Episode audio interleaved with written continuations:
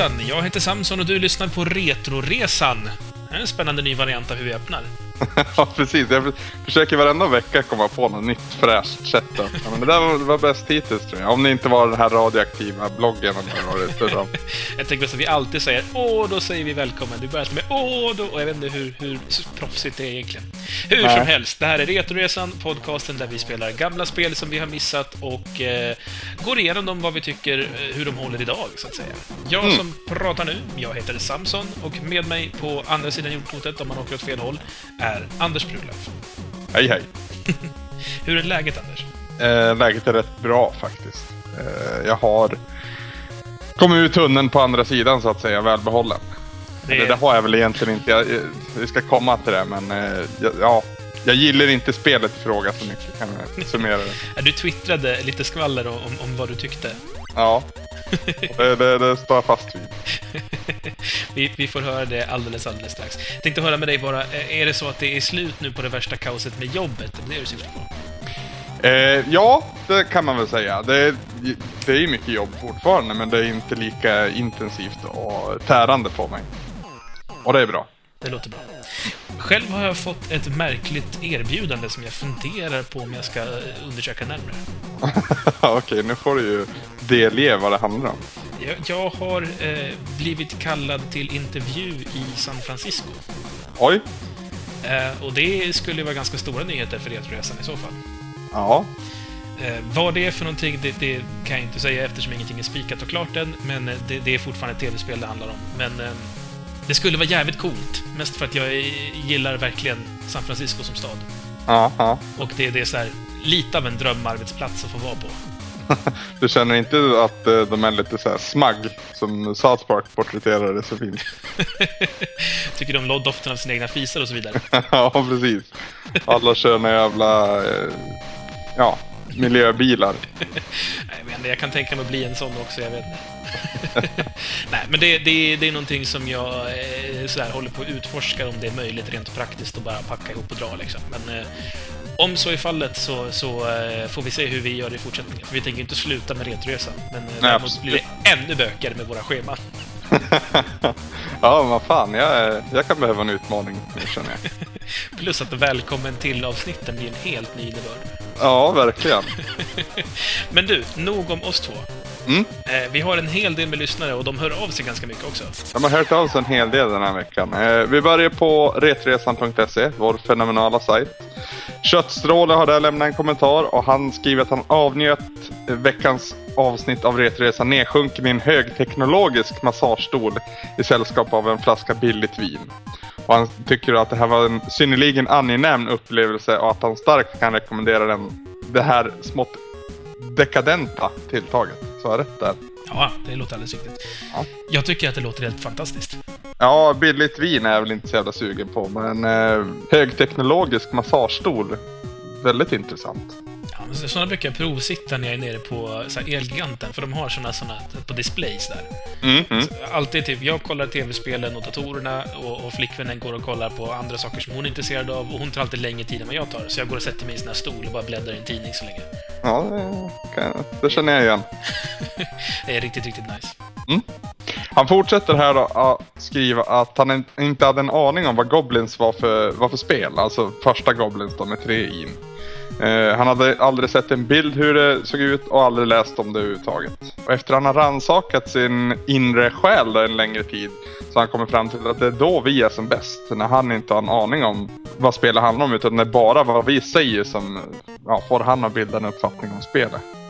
Det är en intressant åskådning måste jag säga. Ja, spännande teknik. Att bara lyssna på oss och... Vet du vad som skulle vara coolt? Nej. Om Köttstråle gjorde så fler gånger och sen typ skissade ihop så här hur han tänker sig att spelet ser ut som vi har pratat om eftersom han inte har spelat det själv. Precis, rita en bild i Paint. Ja, eller, eller mer avancerat om du hellre vill. Bara, bara, vad tänker du? Ja, inte dum med det. Han kastar ut en fråga till alla våra lyssnare och frågar när Retresan är som bäst. Eh, och vad den här podcasten ger dem då. Är det nostalgi, bildning, tips på spel, verbal, lyteskomik, avkoppling, inspiration eller kanske sällskap? Jag hoppas vi räknas in på alla de där för det lät väldigt bra. Ja, Vi är nostalgiska, vi ger bildning, vi tipsar om spel. Uppenbarligen så är vi står vi för lite verbal lyteskomik. Lite avkoppling, lite inspiration och lite sällskap. Mm. Mm, det låter som oss. Tack för kommentaren Köttstråle. Det var en väldigt bra kommentar. Det kändes ju taskigt mot alla andra som har kommenterat. Jag tycker, tycker det har varit många bra kommentarer överlag hela den här säsongen. Faktiskt, det har varit en, en ny nivå. Ossi88 har ju också lämnat en kommentar och han skriver att ja, vi undrade ju om det var Chrono Trigger eller Goblins han inte hade tänkt spela och det var Goblins han syftade på. Synd att Goblins inte var så bra som det lät men det kanske lärde sig ett och annat inför de senare spelen. Jag har inte hittat tid att testa de tvåan och trean. Har du det Samson? Nej, det har jag inte. Däremot har Andreas Ljungström tipsat om att det är trean som är den bästa i serien. Okej. Var det det som kom så här jättemycket senare eller var det fyran till och med? Det är fyran. Trean är fortfarande liksom i samma era som ettan och tvåan. Ah, Okej. Eh, sist men inte minst vill han tacka oss för ett väldigt underhållande program. Tack, tack. Tack, tack. Jättetack. Tarmstorm skriver in och ehm, han skriver att spelet han spelade förra veckan då var Goblins Quest 3. Eh, liknande namn men innehåller mindre karaktärer och mer självmordsgolf. Så då har vi löst ut där då vad det var han höll på med. Eh, skål till Sveriges bästa levande retropodcast som kommer ut på fredagar. Inget företag står bakom, är relaterat till pizza och drivs av en Malmöbo och en Boråsbo som tidigare bodde i Bollnäs. Ja, det är vi helt klart. Skål! Skål. Kioskvältaren. Vänta, eh, in- innan vi går vidare, Anders. ja. Självmordsgolf. Är inte det en riktig sån här löpsedelsord? Jo, det är det nog. Spritfest och självmordsgolf, liksom. Ja. Förlåt, jag bara reagerade på det. Jag fick bara massa konstiga bilder i huvudet nu. Hur det i praktiken skulle gå till. Så här att, ja. Sista hålet, du vet när man normalt sett slår i bollen så att man inte kan få ut den igen. Mm. Så är det ja, en ja, fallucka eller någonting sånt så att man faller ner själv och tar livet av sig. Alltså, det är, själv... det är självmordsminigolf till och med. Ja, men precis. Kioskvältaren vill börja med att säga att förra avsnittet var riktigt festligt. Och sen har han en eh, grej han vill ta upp. Han, eh, ja vi snackar ju rätt mycket om pizza i den här podcasten. Vi gör ju Eh, det. Varje vecka faktiskt. Och han tycker det skulle vara roligt om vi kunde knyta an något samarbete med någon pizzeria och varje vecka tävla ut de pizzorna som vi anser att spelen är. Vi ger instruktioner till pizzagubben om hur pizzan ska vara och så får han baka en sån till vinnaren då. En lyssnare i varje avsnitt. Och han undrar om det här låter som en bra idé då. Kioskvältaren. Jag tycker att det låter som en väldigt söt och charmig idé och passar perfekt in i vår stil. Däremot så vet inte jag om jag är så sugen på att lägga ut så här 50 spänn i veckan på att skicka en pizza till någon på random. Nej, det, det blir väl till och med två pizzor. I och med att vi är två olika personer som ger två olika pizzor varje vecka. Ja, det också. Däremot så kanske man... Vi kan säga så här, om det är någon pizzabagare där ute som lyssnar på oss och som tycker att det här vill jag gärna vara med på, det här kommer ge min pizzeria lite bra cred, så, så hör av dig till Kramkalas så, så kan vi se om vi kan hitta på något kul tillsammans. Precis. Kramkalas retresan.se alltså. Jajamän. El Kebabo skriver kort. Eh, riktigt trevligt avsnitt som vanligt. Synd att man ska låta så jädra illa när man hör sin egen röst. Och det där kan väl jag, rel- jag relatera till i alla fall. Jag tycker att men, men det, det är en vanesak. Alltså, jag hatar att höra min egen röst inspelad, men när jag har suttit så många timmar som jag gjort vid det här laget och redigerat mig själv så är jag så van vid att höra mig själv att jag inte längre reagerar på att det är jobbigt. Jag bara... Det, det, det bara är så. Så låter jag. Live with it, liksom. Mm, fast man kan låta på så väldigt många olika sätt. Jag är ju min största kritiker höll jag på att säga, men det är nog min sambo. Men eh, näst efter så, så är det väl jag. Och jag hör ju alla misstag jag gör som kanske inte alla andra hör. Och framförallt om jag är nervös, stressad, eh, inte vet vad jag pratar om egentligen och så vidare. Så jag har fortfarande jätteproblem med det här. Det blir enklare med Retresan varenda gång för att vi eh, blir mer och mer avslappnade. Till slut så kommer jag ja, ligga ner i en pösig soffa och, och spela in den här podcasten. Vad, vad brukar Emily kritisera dig för? Det mesta. Några exempel? Nej men om vi, om vi kollar just på att eh, hur, hur jag pratar då så är det väl skitnödighet. Eh, en återkommande faktor. Skitnödighet. Nu får du förtydliga. Nej, jag vet inte. Du får höra med henne. Uh... Men är det en mental skitnödighet att du låter lite uppstoppad eller är det att du faktiskt låter som att du behöver gå och bajsa? Nej, nej, det är det första alternativet. Att jag låter lite... Att det låter inläst och lite så här häv, hävdelsebehov. sitter hon i närheten nu och tjuvlyssnar på det också? Ja, hon sitter två meter bakom ungefär. Ja, kan inte du höra med henne på en gång då, lite snabbt? Vad är det du menar egentligen, älskling? Jag låter så jävla bajsnödig, säger hon. Alltså som att du faktiskt behöver gå på toa eller någonting annat? Hon tycker att jag gör för mycket svävande liknelser, kan man säga så. är det jag som influerar dig på det? För jag gör ju mycket svävande liknelser. Precis, det kanske är kryddan Samson som är felet där, älskling. Nej men det är han som bidrar till att jag blir skitnödig. Att jag försöker gå upp på hans nivå. Kanske det. Samtidigt säger hon att hon inte har lyssnat på Retresan, så ja. Vi tar det med en nypa salt. Precis. Vart var jag? Lance McLeod har ju lämnat en, en bok till kommentar, kan man väl säga. eh, riktigt mycket text och han är inte ensam om det heller. Men jag ska försöka beta ut det så gott det går. Först och främst så svarar han då på Köttstråles fråga. Så, och så han säger att retresan ger mig rätt mycket. Eh, främst så har han ett stort intresse för retro och eh, han tycker alltid att det är kul att folk pratar om äldre spel. I spelmediasfären så tycker han att man i nuläge bara blickar framåt och mer och mer för varje år som går. Alla snackar om kommande spel och konsoler och vad som ska komma men när de stora titlarna väl kommer så är det ingen som snackar om dem efter en vecka eller två. Och han minns då när stora titlar gick att prata om en månad efter de släppts och, eh, och även hur man snackade om och spelade mer än de som var helt nya. Retresan är en viktig motvikt mot mycket annat spelmedia och sen har ju Retresan bra och framförallt roliga programvärldar. Så visst, ser även podcasten som ett humorprogram med. Jag vet inte riktigt vart vi ska börja här men jag kan ju hålla med Lance alltså. Jag är jävligt rolig. Eh, och eh, ja, att man, man, man slänger spelen åt sidan efter en vecka hur bra de än är egentligen. Det beror lite på vilket typ av spel det är. För vissa fastnar ju kvar i maskinen och fastnar där jättelänge. Men Uncharted 2 är ett jättebra exempel för min egen del som jag borde ha spelat minst fyra varv men som jag bara spelar ett och ett halvt ungefär än. Och jag vill spela mer men jag hittar aldrig tiden för att det kommer så mycket nytt hela tiden. Och mycket, mycket gammalt också som tar tid för den delen. Sen tror jag att väldigt mycket av det här är också en problematik av att vi är äldre nu. Tror du eh, Ja, alltså när det gäller att vi, vi inte har tid liksom att nöta gamla spel i sex månader eller tre månader eller som man fick göra när man var yngre. Det har ju att göra med att vi har faktiskt råd att vara mer ajour med vad som händer. För det släpps ju... Det släpptes många spel även på NES och SNES-tiden och även längre tillbaks. Men vi kanske inte visste om allt, för att det fanns ju liksom ingen vettig media som, som kunde berätta om det här. Nej. Så jag tror ja, men... att det är en kombination av, av, både att vi är äldre och att eh, alltså spelmedia har ju alltid koncentrerat sig på nyheter. Sen mm. finns det ju liksom dedikerade retrotidningar och retrosajter som man vänder sig till annars, men traditionell spelmedia är ju nyhetscentrerad på något vis. Jag kan ju känna att det blir ett väldigt glapp där, för vi har ju satt en, en, en linje för eh, vad som är retro och inte. Och det som inte är riktigt retro, men som inte känns nytt, alltså jag pratar om ja, Playstation 2 och framåt egentligen. Där finns det jätte, jättemycket spel som jag skulle vilja gå tillbaka och testa som jag vet att jag missar men som jag inte... jag har helt enkelt inte tid med det. Jag har ju låst mig till det här. Så ja, jag vet inte, vi får göra så här halv, halvretroresan eller någonting sånt där. Eller så, så tar vi infiltrerar någon, någon annan sån här eh, Pile of Shame-podcast. som, som kör lite mer modernare spel. Alltså det kan ju till och med vara tidigt den här generationen också. Mm. För menar, det finns ju massor med titlar som jag aldrig hann spela som kom typ 2005, 2006. Som... Ja, både du och jag har haft så här luckor där vi inte spelade mycket alls. Mm.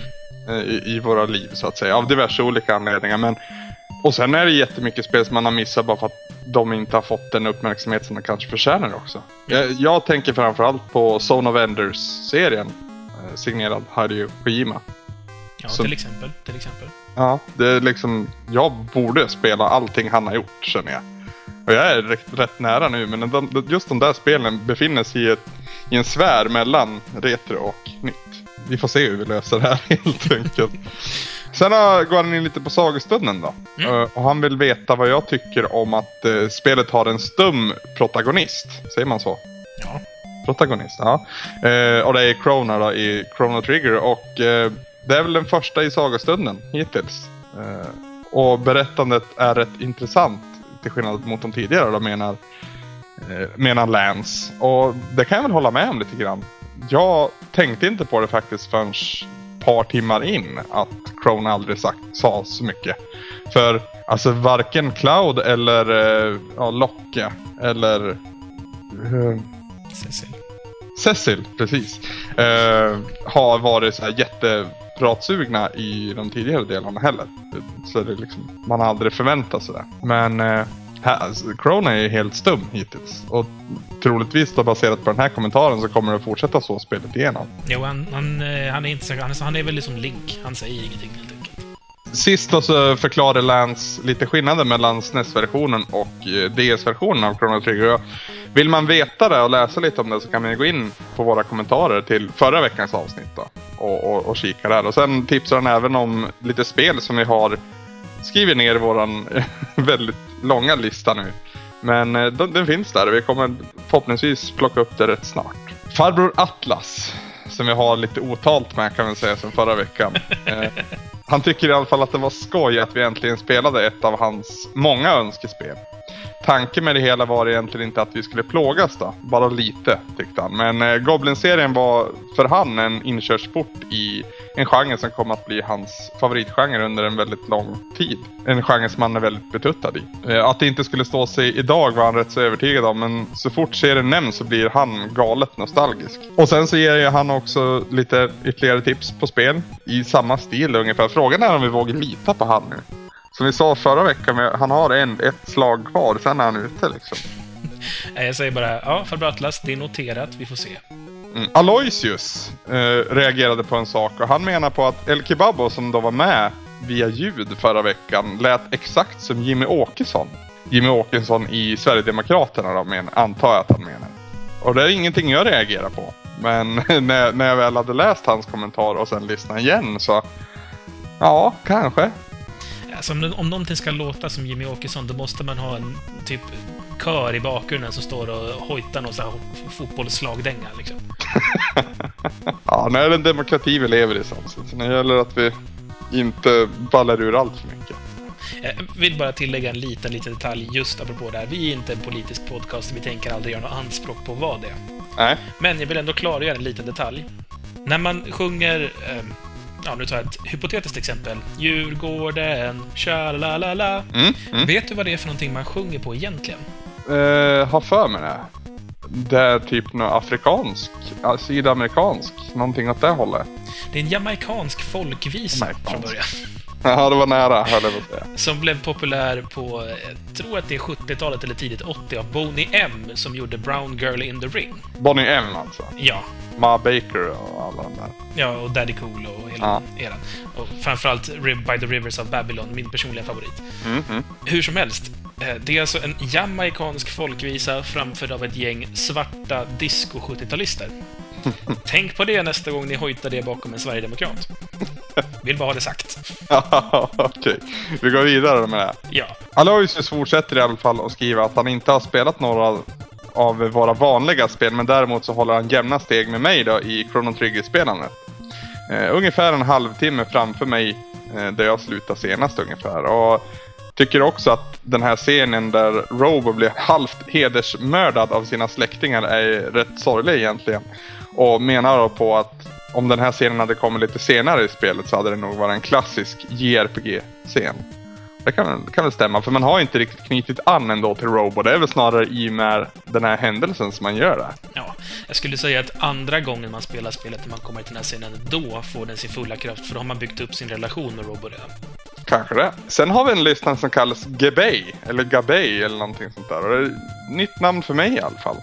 Jag, jag tänker Ramones när jag säger hans namn. Gabba Gabba Ja. Hey, liksom. ja, det, det kan ju också vara en gammal lyssnare som har bytt nick liksom. Jag vet aldrig. Hej i alla fall! Hej hej! Eh, han tycker att det var ett jättebra avsnitt och han tycker att Samson härmar borde vara ett helt nytt inslag i, i programmet. Och det är jag helt med på. Jag vet att det är andra som är helt med på det. Så Har du någonting till den här veckan Samson? Eller ska jag klura ut någonting? Eh, Klura du. Jag, jag har inte någon så här färdig repertoar av, av imitationer jag kan göra, men, men jag kan försöka härma det du slänger framför mig. Då ska jag göra det till den här veckan. Och ni, ni som lyssnar då, skicka hemskt gärna in tips på vad Samson kan härma varje vecka. För det här är ju stört kul. Ja, ja. Gabay fortsätter att skriva att det finns nog ingen svensk podcast som har utvecklats så mycket som ni gjort under ett år. Men en sak han inte har förstått är vad Castlevania har tagit vägen. Eh, vi diskuterar klassiska serier utan, utom just den här då. Eh, och som han säger så har vi faktiskt spelat Symphony of the Night väldigt tidigt i Retoresan. Det var ju när vi inte riktigt hade lärt oss att gå än skulle jag säga. Om man ska vara lite symbolisk skitnödig. Men det var, det var väl vad är det, tredje eller fjärde eller sånt där spelet vi spelade, va? Det var väl Riot Star Ghost and Goblins Symphony of the Night. Så pass. Tredje alltså. Ja, jag tror det. Ska vi, ska vi, ska vi avslöja lite hemligheter Samson? Får jag? Ja. Ja, okej. Super Castlevania 4 kommer så småningom. Väldigt snart kan jag säga. Ja. Det, det, det kan vi säga till alla och jag har väl även spilt det på andra ställen att Super Castlevania 4 till Super Nintendo kommer inom kort. Inom några veckor bara. Så det, det är många som önskar just det här spelet. Med all rätt kan man väl säga. Ja, det ser jävligt intressant ut och jag minns när det kom hur impad jag var. Framförallt när liksom hela slottet vände håll och liknande. Så det, det, det ska bli intressant att se. Mm, just att det heter Super. Ja, det gör ju allting bättre. Världens bästa epitet. Mm. Oldgast. Eh, vad fan, han har skrivit Poirot eller någonting sånt där. Ja, och han, det, det, han, han ger namnet på den deckare jag pratade om. Aha! Poirot är den belgiska deckaren som alla tror är fransman. Kommer du ihåg när vi pratade om Tintin förra veckan? Ja, ja, ja. Just ja. Det var Poirot jag syftade på. Okej. Oldgast skriver i alla fall angående sagostunden. Eh, den här racerfräsaren med svävare tror jag kallas Johnny C. Bad. I alla fall i DS-versionen. Och i och med att han säger det så vet jag också att det finns en snubbe i Final Fantasy 6 som heter exakt samma namn. Så det här är en karaktär som de gillar att slänga in. Men Jag lovar att han finns på andra ställen också. Det är alltså en, en liten ordlek med Johnny B. Good. Då har vi läst ut det. Johnny C. Bad. Får gärna kolla upp mer vilka spel han faktiskt har medverkat i. Eh, Allgast kommer inte att lira Tintin med oss. Han har inte ens ett Super Nintendo. Eh, men han har både läst böckerna och tycker att det är riktigt sköna trots att det kan kännas sådär skumt rasistiska ibland. Eh, medvetet, eller, medvetet eller omedvetet. En sak som har slagit honom är hur Tintin är sjukligt misstänksam av sig. Ja, eh, ja det är han. Jag, vi ska komma in på det här sen. Men jag, jag tycker inte om Tintin vidare mycket. Jag har aldrig gjort det. Eh, Ni, ni kan ju lista ut att... Ja, jag ska inte säga vem, men det var inte jag som ville spela Tintin i Tibet. Gnällpelle. Eh, Olgas fortsätter och menar på att det lär vara sjukt jobbigt att hänga med just Tintin i och med att han är så här misstänksam. Man kan ju inte gå ut och handla utan att han hittar någon snubbe som har något skumt för sig vid gräddfilen eller dröjer misstänkt länge vid den inlagda sillen.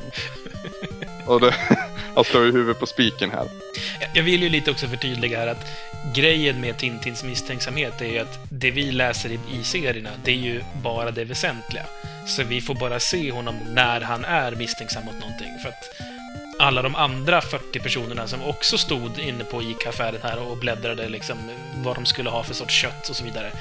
De la han sig inte i, men det tar man liksom inte upp i serien, för då skulle det vara en massa serier att Tintin går runt och gör ingenting på fem sidor och sen händer något misstänksamt. Ja men varför måste han alltid ha rätt för? Varför, var, varför ska han vara så jävla förståsigpåare som vet att den här killen håller på och naller sill eller vad fan han nu gör? Alltså, det blir lite Bamse-vibbar av han där och det, det, jag gillar varken den ena eller den andra. Dissar du Bamse du också? Ja nu dissar jag Bamse. Fuck you, jag är Skalman.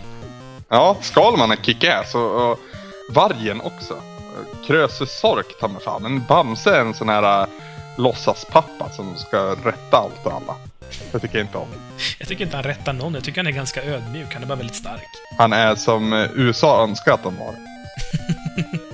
Jag undrar lite också, nu, gud, nu spårar vi iväg här igen. Varför är det just björnen Bamse som får vara hjälten? Men vem som helst kan käka dunderhonung. Precis. Men det är det att han sitter på the nukes, så att säga. Ja, det är väl han, han är väl den enda som inte får ont i magen av den i och för sig. Ja. Men vad fan, det kan man väl offra? Ja, han tycker det. Ja, jag menar, vad heter det? Iron Man är ju för fan döende hela tiden. Stort sett. Ja. Jävla gnäll. vi går vidare och Så inte... var det här med att spåra ur. det är vår grej.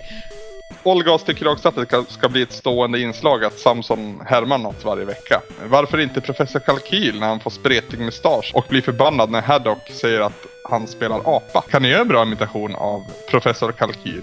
Det skulle jag kanske kunna göra om jag visste hur han lät. Det är ju synd. Ja, jag har bara läst Tintin. Ehm, Jag har inte lyssnat på någon ljudbok eller sett något tecknat av det, så att jag tyvärr, jag har inte mycket att komma med där. Mm. Ja, jag får klura vidare då. Tack för tipset i alla fall. Eh, sen tipsar han också om en kille som är sjukt duktig på att spela gitarr då. Eh, versioner av kända spel. Och den länken är det bara att gå in bland kommentarerna och leta upp om man är sugen på det. El Kebabo kommer åter och säger att det känns sådär att man låter som Jimmy Åkesson. Eh, han har inte hört honom snacka direkt men han är väl från Blekinge frågar han. Och det tror jag väl att han är va? Alla såna där brukar ju vara från, från Blekinge eller... eh, Vet du? Varberg, vad heter det området? Sådana där. Du, du, du använder ju samma medel som personen i fråga. Ja, inte riktigt. Titta på deras partiledargrupp. Merparten av dem är, är skåningar, eh, Blekingebor, kanske någon smålänning här och där. Mm. Och vad det nu heter, där Falkenberg och Varberg ligger. Det är Halland. Eh, El Kebabo är i alla fall smålänning. Han misstänker att hans fruga, som han skriver, eller ja, fru då, kan man säga, har smittat av sig med sin blekingska. Så kanske där problemet ligger. Kanske. Lefyrius skriver in och, skri- och säger att det finns prat i Cutscenes Goblins, men eh, han tror att det var extra i CD-versionen. Eh, och vi spelar då misstänkligen floppy-versionen, eller så har Good Old Games fuckat ur ännu mer. Inte vet jag. Eh, vi, koll- eller, vi fick i alla fall svar på det där förresten Samson. Eh, det var samma namn fortfarande. Det var bara att de hade relaunchat sidan så att säga. Det var inte beta längre som det hade varit under en väldigt lång tid. Nej, det var så det var. Ja, det är ännu sämre PR-trick. Sen går Lefyrius också in på Specchio. När han spelar Chrono Trigger för första gången kunde han inte fatta att man skulle gå runt tre gånger och han provade flera gånger. Och sen alldeles innan Lavos så råkade han gå runt fyra gånger och på så vis fick löst den scenen så att säga. Det, jag vet inte fan om det är medvetet det där, att det är fyra gånger. Om det är att Specchio ska vara en lustig jävel. Jag vet faktiskt inte riktigt. Jag har aldrig riktigt reflekterat. Jag räknat inte. Eh, och sen skriver han fel med utropstecken. Eh, ni glömmer ett av mina favoritspel, Shadowrun till SNES, är på svenska. Och om vi inte har spelat det så ska vi spela det, tycker han. Det har han alldeles rätt i och eh, det är, jag som minst illa. Mycket riktigt. Det finns svensk översättning. Inte så jättebra svensk översättning i och för sig. Okej. Eh, du har spelat alltså? Ja, jag har spelat det lite grann. Jag har inte spelat färdigt det, men jag, jag har en kompis som har speedrunnat det med mig en gång. Okej. Eller han speedrunnade. Jag sa typ, vad händer nu? Vad händer nu? ja, men vi skriver upp det i listan i alla fall. Ja. Får vi se vad det kan bli. Och så var det en, en bok på gång och den står Varga vaka för och han skriver först och främst mysigt avsnitt. Eh, ni får gärna klippa in mer Björne om det tryter med musik. Och det tycker fan jag för Björnes melodislinga det får mig att bli så varm i kroppen. Alldeles till med. Han håller inte med om att spel som man kan dö i inte är äventyrsspel. Hela Larry-serien och egentligen hela Sierras katalog innehåller trial and error-död och, det, och de ser han då klart som äventyrsspel. Eh, däremot håller han med om att det är ett jävla otyg och att äventyrsspel som följer Lucas Arts mall är betydligt mer tacksammare att spela. Jag är helt med honom på den. Ja, jag också faktiskt. Och sen är det ju Varja Vaka då som, som berättar det jag precis berättat för dig. Angående Good Games. Så tack för upplysningen Varja Vaka. Sen har han lite, för, lite angående Chrono Trigger som vi inte ska gå in på. Och sen undrar han också lite om nästa veckas spel. Eh, Mayhem in Monsterland till eh, Commodore 64. Eh, vi ska prata om det senare i avsnittet så vi lämnar det till det. Men eh, du ska få svar på de flesta av dina frågor. Och sist då så svarar han lite på Köttstrålets kommentar tidigare. Och han skriver att han helt känner igen sig i Köttstrålens köttstrålens beskrivning. Ja, just den då angående att han inte hade spelat spelet innan han lyssnade på avsnittets fråga. Visst finns det spel som jag tagit mig an för att spela igenom för Retroresan och än mer som jag testat på och börjat spela efter en Retroresa. Majoriteten av spelen som spelas är spel som jag nöjer mig med att höra Anders och Samson prata om. Det var väldigt mycket spel där. Ja, spelen som spelas är spel. Ja, precis. Jag behöver inte förstöra deras whiskyspetsade spelanalyser med att faktiskt spela varenda gammalt skitspel det tar sig an. Knut, knöten, knut för knuten. Knutade, knute, knute för knuten. Var knuten, knuten för knuten. Ja, tack. Fast baklänges. Ja. Saradir droppar in och han skriver Det har sagts förr men, men det sägs igen. Anders och Samson är bäst. Ni förtjänar verkligen titeln. Sveriges bästa osponsrade inom situationstecken spelpodcast som drivs av icke-radiopersonligheter. Tack, tack. Tack, tack. Imitationer uppskattas och det vill vi höra mer av. Hoppas Anders har några för förslag för han kan inte komma på någonting på rak arm. Och han håller också med om att Björnes magasin-temat där var jättemysigt att det passade in perfekt i våran Ja, våran mysiga ton så att säga. Ka- Kanske köra det igen Samson. Vill du ha med Björnens magasin alltså? Absolut. Saradir avslutar med att skriva att han fick tag i Goblins men att han inte hann skicka in sina kommentarer till förra veckans avsnitt. Då. Och sen har vi fått ett litet videotips på, på Facebook Samson. Du hade mer koll på det än vad jag hade. Ja, det är alltså Daniel Westerlund som eh, delar med sig av eh, detta mästerverk, som han kallar det. Och så hälsar han att vi är bäst med ett litet hjärta. Tack tack. Eh, Och det är videoklippet vi som vi kan länka det också. Eh, Det är alltså en, det är någon som har satt ihop eh, den här kan-kan-låten. Du vet, Mhm. jag kan något som inte du kan, jag kan kissa rakt fram, och så vidare. Mm. Det där är inte rätt text, men det är någon som har klippt upp den låten fast använder sig av ljud från Super Mario Bros för att göra melodin. Eh, Det är en ganska charmigt litet klipp, så, så ta gärna en titt på det. Jag tyckte det var väldigt, väldigt kul. Tack så mycket, Daniel. Tack tack. Och sen har vi fått två mejl också. Då. Första kommer från Fredrik L, även känd som Hektoliter. Och han skriver eh, När jag hörde att sagan efter uppehållet skulle handla om Chrono Trigger fick jag småpanik. Jag kunde njuta av att Anders berättelse varje vecka, men eh, Chrono Trigger var ett spel jag helst ville spela igenom själv först. Valet stod mellan att undvika sagostunden eller att snabbt som tusan komma igång och få ett försprång på Anders. Det var förstås ett lätt beslut att ta och jag drog igång liret men var så upphetsad av situationen att jag helt omotiverat forcerade mig genom inledningen utan att riktigt ta in vad som försiggick i spelet. Efter att ha virrat runt i staden och på marknaden i tre kvart tvärdog jag i min första strid utan att ha haft en chans att spara en enda gång. Vad jag begrep då i alla fall. Jag stängde av, gav upp, kapitulerade och nu lyssnar jag på Anders och får köra igenom Chrono Trigger någon gång längre fram när tiden läkt alla sår. Så kan det gå. Ja, det var lite tråkigt att det blev så olyckligt, men eh, jag hoppas att du fortfarande kan njuta av både Anders och din framtida genomspelning. Om inte annat så kan han ju faktiskt hoppa sagostunden för ett tag och antingen backlogga sen då eller ta den framtida sammanklippningen av alla sagostunder. Nu vet inte jag hur långt fram i tiden det är eller hur långt det kommer vara men det är ju ett alternativ. Han tycker också att det är härligt att vi är igång igen och han ser fram emot ännu ett år med oss i örat. Och han tipsar även om lite musik och det här är ingenting jag kommer ta upp eh, den här veckan. Men det har lagts till i en, en av mina ofantligt många listor på grejer som jag ska göra. Men ja, eh, tack för tipset i alla fall. Och sist ut den här veckan så har vi Henrik Lundström, även känd som Brojen. Och han skriver att han måste tacka för ett väldigt underhållande avsnitt. Han var en av dem som nominerade oss till poddrådepriset. Han tror att det finns garanterat fler då vi fanns med i kategorier som inte han nominerade oss i. Då. Så tack jättemycket Henrik. Han avslutar med att skriva Fortsätt med er underhållande podcast så ska jag nog försöka vara med och spela något spel i höst också. Kanske redan den här veckan om jag får tid över till att spela lite Tintin. Jag hoppas för Henriks skull att han inte fick det faktiskt. För ja, jag skulle inte inte rekommendera... Nej, jag skulle inte rekommendera det här till någon. Faktiskt. Inte en... In, nej. Usch. Inte ens Jimmie Åkesson. Vi skulle inte vara politiska. Nej. Tja, la, la, la, la. Twittern Samson har koll på, inte jag. Eh, ja, lite grann. Det är eh, Sara Dir som meddelar att han har dragit igång Tintin inför nästa veckas retoresa. Stackare. Han har ju också lämnat lite kommentarer om det som vi kommer komma in på så småningom. Mm. Eh, sen så skrev jag ut att vi numera har ett avsnittsarkiv, och det tänkte jag skulle berätta lite om. Just det, just det. Ja, gör gärna det. Ja, vi har ju fått en hejdundrans massa nya lyssnare under sommaren här. Och en del av dem har säkert eh, flitigt liksom klickat runt på vår hemsida och, och sett till att manuellt ladda ner alla, alla avsnitten. Då. För det är bara de 25 senaste som dyker upp i vår feed. Mm, mm. Och vi har ju mer än 25 avsnitt. Vi är uppe i 56 faktiskt idag. Oj, oj, oj. Mm. Eh, så det jag gjorde var att jag under veckan som har gått så har jag strukturerat om hela, eh, så att säga, arkivet vi har och sen så har jag gjort i ordning en liten funktion så att på vår hemsida finns det numera en liten ikon. Den är svart och ser ut som ett litet arkivskåp.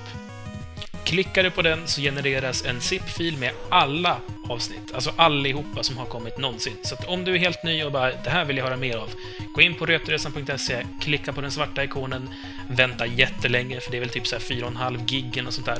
Ja, så plus att Archive som vi huserar på inte har världens snabbaste servrar. Nej, det har de inte, så det kommer ta ett tag. Men låt det stå över natten, så dagen efter så har du alla avsnitten som har kommit ut någonsin. Och den kontinuerligt så kommer det här fyllas på automatiskt då, för det är ett skript som gör sippningen. Det är därför det tar ett tag innan själva nedladdningen börjar också, för det måste först ta alla filer och bunta ihop dem. Okej, men det var ju bra i alla fall så att, ja, om vi säger att någon eh, trycker på den där knappen om tre veckor framåt i tiden då, så kommer det även det här avsnittet vara med i den zip-filen då. Exakt, det är tanken. Smidigt. Nu gäller, det, nu gäller det bara att min kod också funkar. Ja, men det är en smart man Samson. Det sägs för lite tror jag. Ja, jag, jag tycker det också. Wackmaster Jack i alla fall svarade på detta och säger “Bra för oss som varit med ett tag också. Det är till exempel perfekt att ge till någon i födelsedagspresent eller dopgåva.” Och dopgåva, en USB med alla Retresan-avsnitt. Varför inte? Det tycker jag låter som den perfekta presenten. Mm, eller hur? Ja. Nidde skriver också att han skrattade, eller lollade skriver han faktiskt. Eh, lollade på riktigt på spårvagnen åt min, alltså Samsons, imitation av Hacke Hackspett. ja, du ser, det är poppis alltså. Ja, det kanske blir någonting det där, vem vet? Ja. Men Samson, jag tror vi är klara med våra lyssnarkommentarer där och vi ska gå in, tyvärr, på Tintin i Tibet.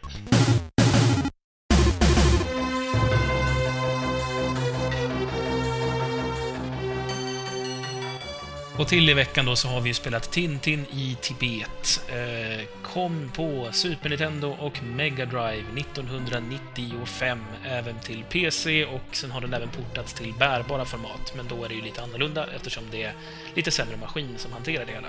Mm, mm. Det är utvecklat av franska Infogrames. Eh, En studio som tyvärr inte finns längre. Eh, Eller de är väl typ uppköpta av någon, jag är inte exakt hundra på hur det funkar. Hör du, får jag bryta in här Samson? Mm. Säger du Games eller säger du Grames? Grames med R för Och de heter det alltså? Ja, Jag har Infogames. alltid hela mitt liv trott att de heter Infogames. Ja, det har jag också trott väldigt länge, tills jag kom på att så heter de inte. Jag trodde du sa fel två gånger i rad i förra veckans avsnitt, men jag lät det glida bara. Men det var ju, ja, då har vi löst det då. Det var tur att du lät det glida.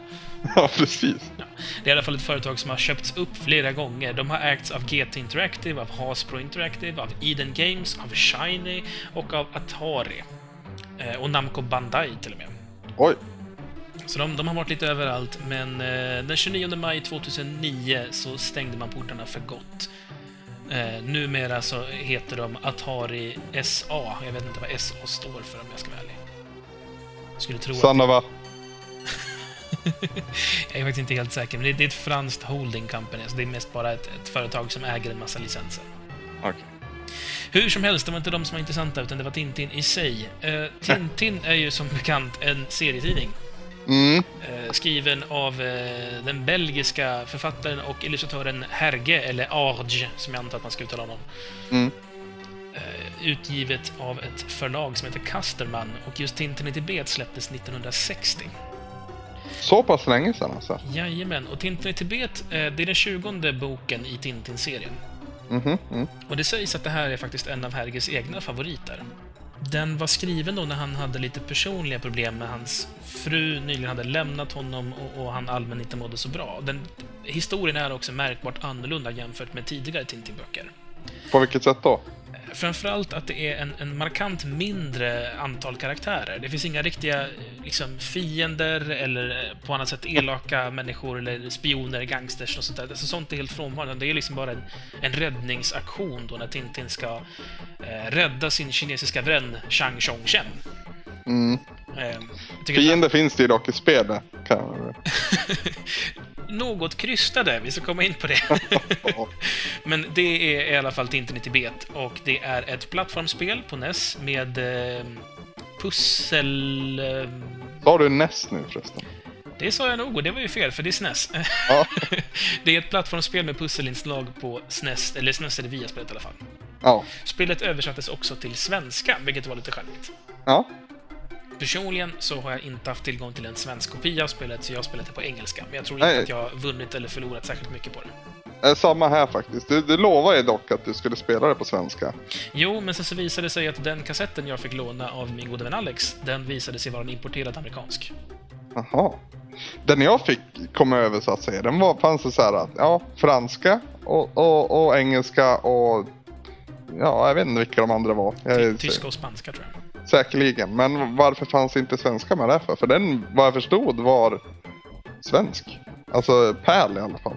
Jag skulle tro att det du har fått tag på är Europa... Eh, Europa? Europa-releasen av spelet. Ja, säkert. den som liksom släpps över merparten av kontinenten. Sen så gjordes det en, en, en svensk ehm, lokalisering av det bara. Jag vet inte om det finns särskilt många fler språk. Jag tror inte att man i Norge översätter det till norska till exempel. Jag kan ha fel, rätta mig gärna. Men hur, varför tror du att det översattes till svenska då? För? Eh, antagligen för att eh, ja, Bergsala, som, som gav ut spelet i Sverige, Mm. eh, de är en av de mest, eller var historiskt i alla fall, en av de mest aktiva liksom, lokala eh, distributörerna av, av Nintendo.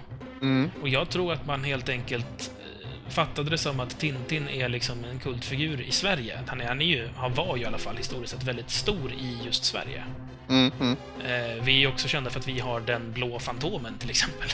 Precis. Så jag tror att det, det är helt enkelt för att man tyckte att det här spelet säljer helt enkelt bättre och det är värt de pengarna om vi kan få det på svenska. Och det gjorde ju att det blev en liten extra push just för att det var på svenska. Och då tänker man att barn som vill spela Tintin kanske vill hänga med i berättelsen också. Stackars barn. Du klagar mycket måste jag säga. Mm. Innan vi går in på att prata om så att säga själva spelet i sig, så tänkte jag också bara höra lite med lyssnarnas reaktioner på, på att vi ska spela just detta spel. Mm. Lance McLeod inleder med att säga Tintin i Tibet minsann.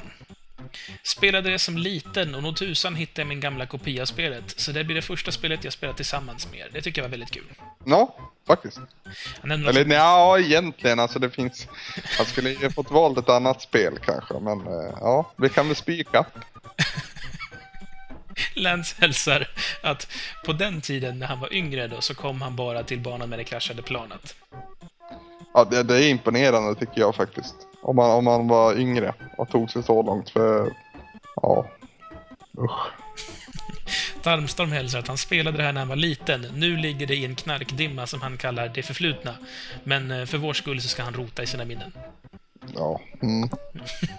Och El Kebabo eh, pratar lite generellt om Tintin och säger att det har präglat en stor del av hans barndom. Mm. Han hade ju alla kassettbanden med Thomas Bolme som Tintin och han har lyssnat på dem så mycket att det är un- ett under att de håller ihop fortfarande. Mm.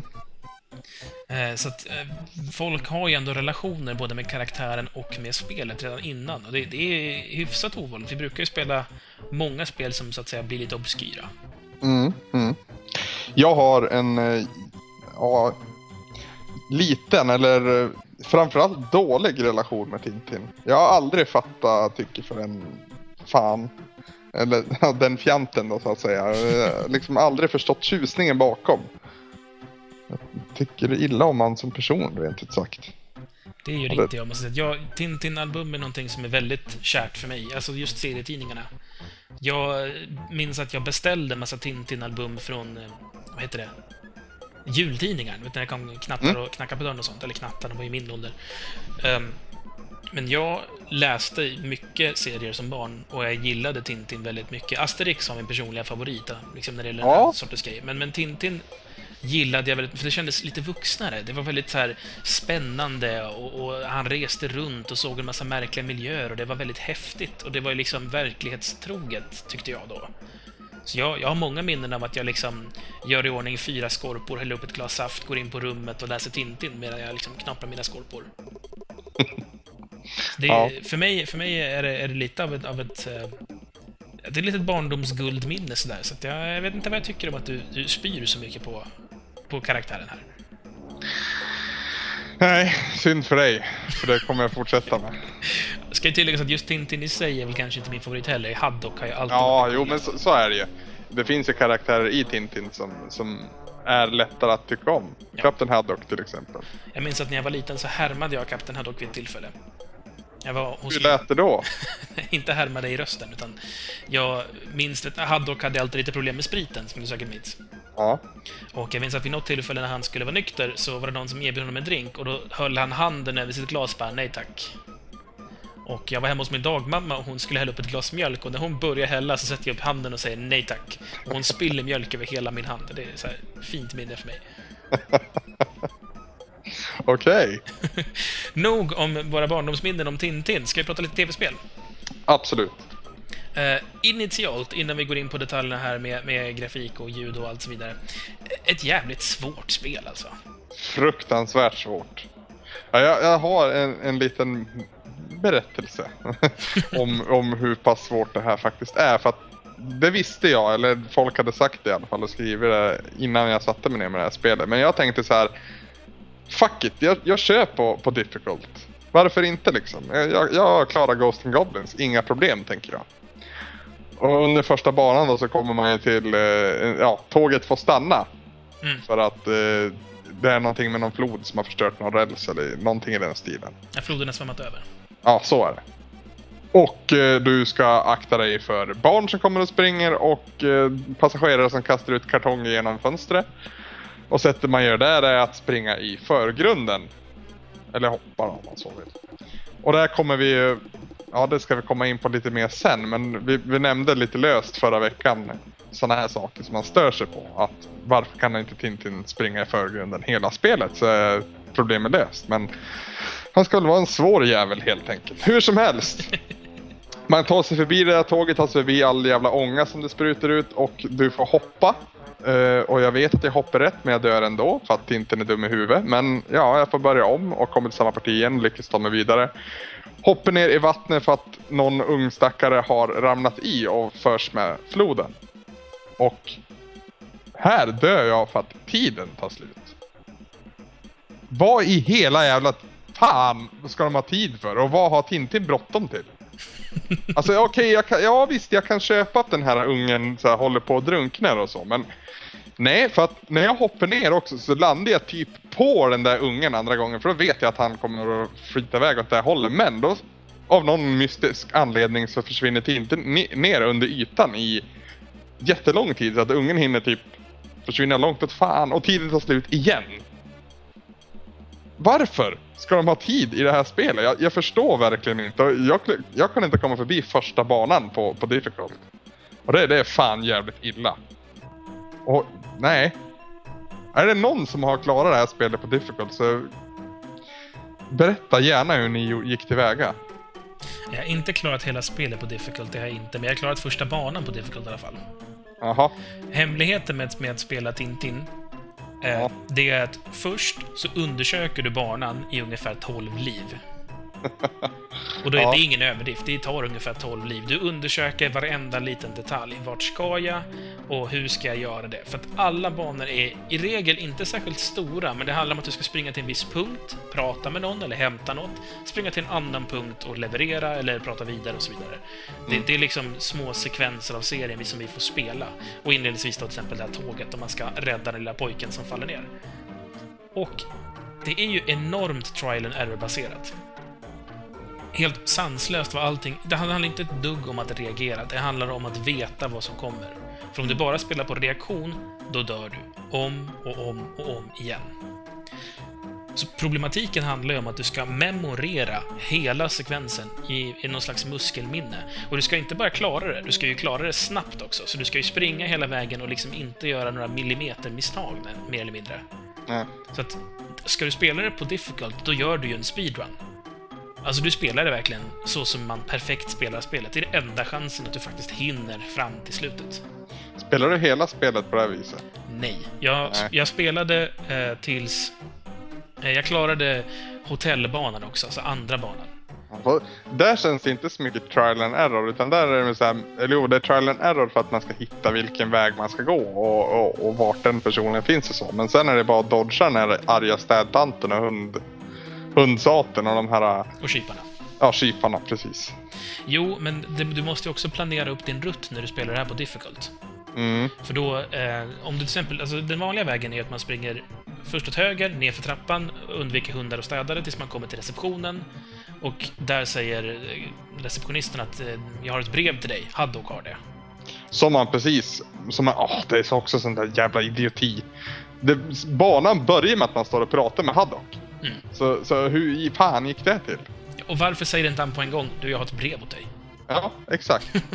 Ja, hur som helst i alla fall, för när man sen har, ska hämta, eller när man ska hämta brevet som Haddock har, då springer man ju naturligtvis tillbaka till där banan började, för där står ju Haddock.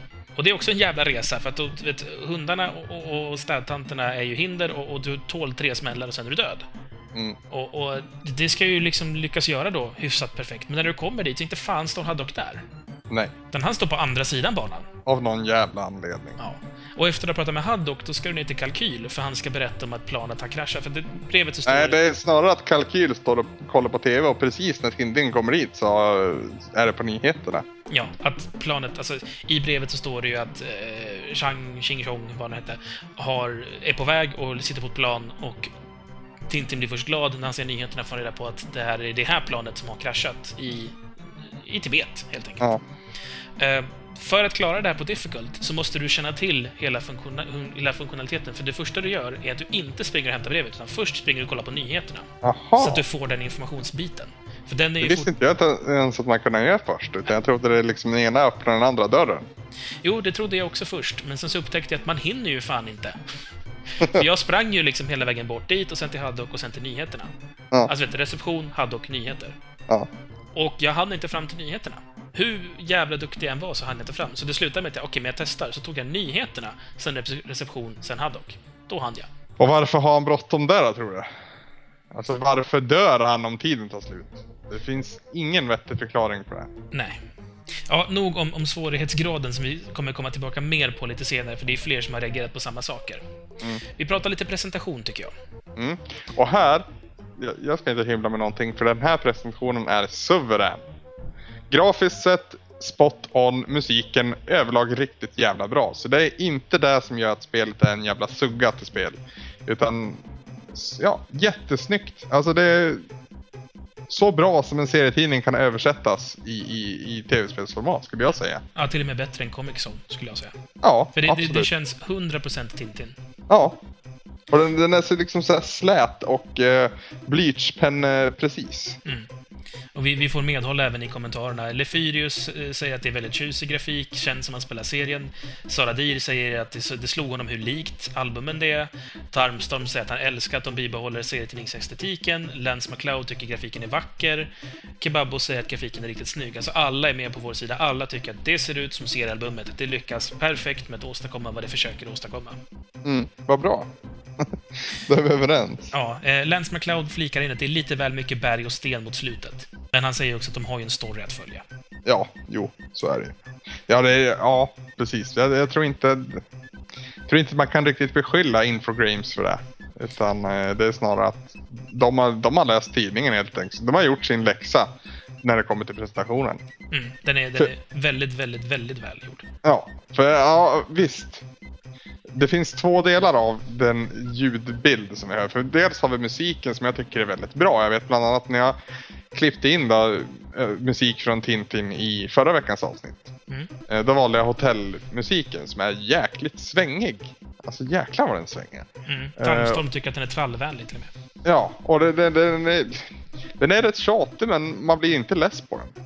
På något konstigt vis. Det är, jag vet inte, det unikt. Men ljudeffekterna däremot tycker jag inte håller vidare hög kvalitet.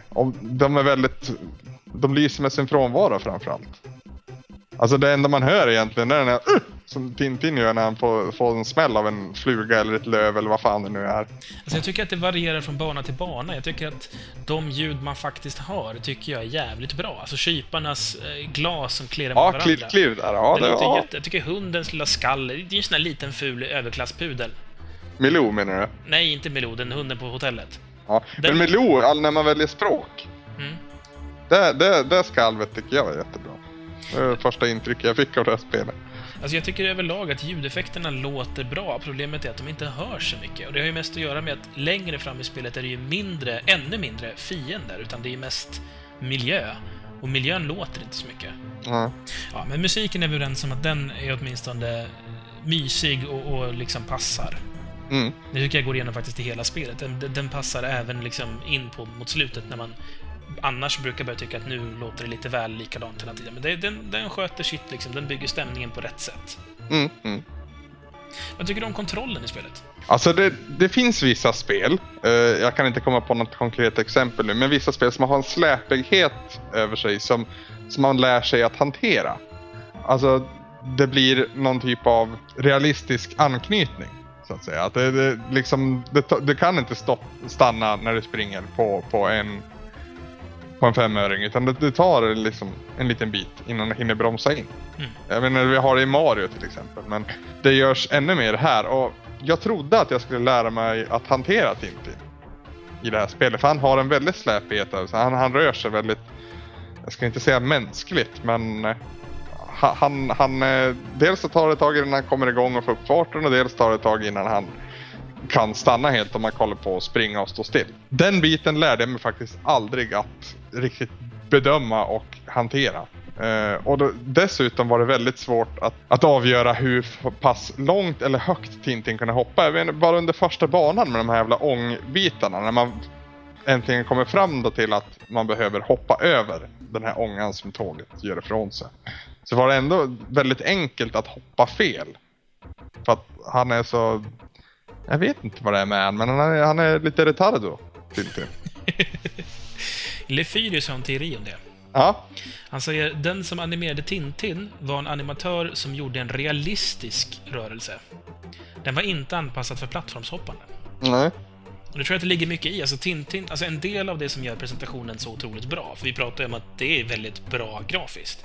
Mm. Det är ju att Tintin rör ju sig väldigt mjukt och väldigt passande. Alltså jag ska inte säga att han är mänsklig eller realistisk, men, men det, det är ett rörelsemönster som känns det här är Tintin. Alltså bara hur han går, hur han rör sina armar, hur han ser ut när han hoppar. Allt det här bygger på någon slags bild av så här rör sig Tintin, och den håller jag med om. Det är så han rör sig.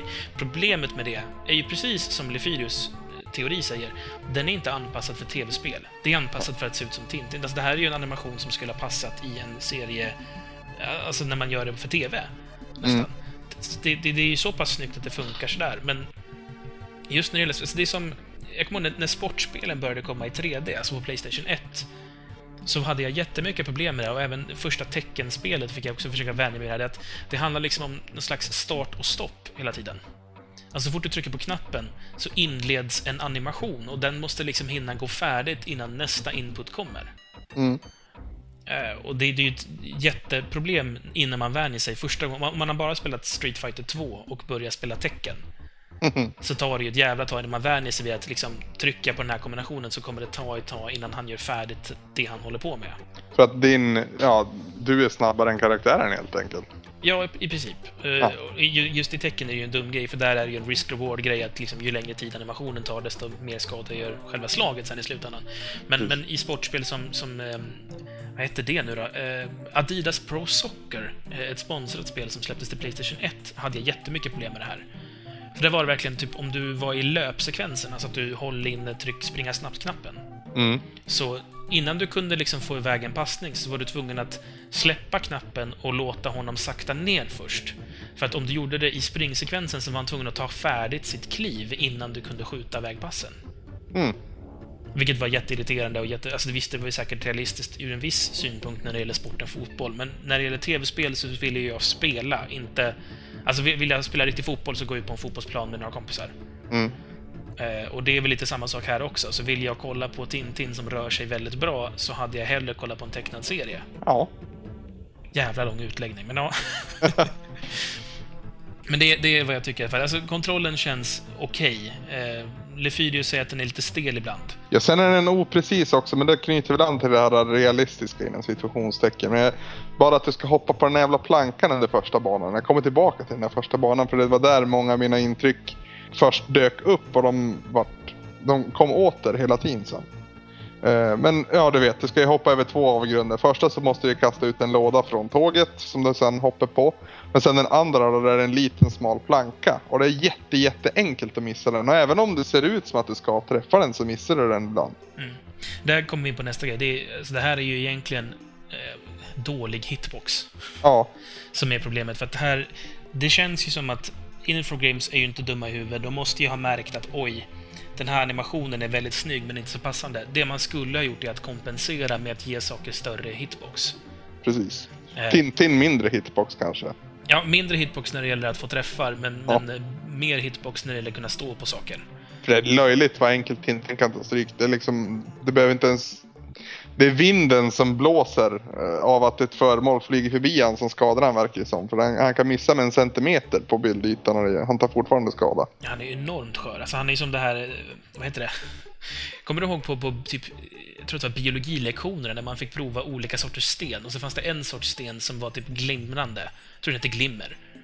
Mm -hmm. Den verkligen frasar sönder i händerna på honom. Det är den associationen jag får av Tintin. Han går verkligen sönder för minsta lilla. Han är Mr Glass i Unbreakable helt enkelt. Ja, faktiskt. Mm. Eh, ja, vad var det jag skulle säga? Jo, men, men det här med hitboxes, det är ett ständigt återkommande problem. Det gäller också alltså, när man... Saker som man kan hoppa över. Som mm. typ, du kan ju hoppa över hunden på hotellet. Men när jag tycker att hunden nuddar inte mig, då träffar den i alla fall på något jävla vänster. Mm. Så det känns som att, alltså, har, de, har de medvetet försökt göra spelet svårare? Var det väldigt jag enkelt? Tror, jag tror att de har gjort mycket fyrkantiga hit detection. Alltså att i, i vår värld, i våra sinnen, så, så nu sitter jag och gestikulerar för mig själv här igen, men ser den där lilla hunden på golvet liksom, då borde man bara kunna hoppa över den liksom, gena en båge över han. Mm. Men under den där bågen så röver vi fyrkanten då, i min teori, fyrkantens kanter. Och därav tar vi skada av det. Så du menar att alltså hunden är inramad av en stor rektangel? Precis. Som att det är en ram runt den och, och ramen så här, är hans öra som är högst upp i, i kant, då, då är det den höjden som gäller, även om du hoppar över hans svans. Precis, det är vad jag tror. Jo, men det har du nog rätt i. Alltså, man jobbar ju oftast med, med liksom rektanglar med hitboxes, men här kan det ju faktiskt vara så att man helt enkelt har varit så jävla lat att man inte har gjort en hitbox för kroppen och en hitbox för huvudet. Liksom. Nej, precis. Värdelöst. Eh, Lance McLeod säger att eh, kontrollen känns grötig. Och han tar upp att det är lite oturligt att det är hoppmekaniken som är det värsta liksom, eh, syndaren här. För det, det är ju spelets främsta utmaning ligger i reaktionsmoment. Och det går ju ut på att undvika i princip allt som rör sig. Att då inte veta exakt vart man ska gå heller är inte helt lätt och ibland hoppar man helt fel och får gå tillbaka och spela om långa sträckor i onödan. Mm. väldigt många. Ja. Han säger också att sega hopp i kombination med att man inte ser inkommande objekt förrän de är väldigt, väldigt nära.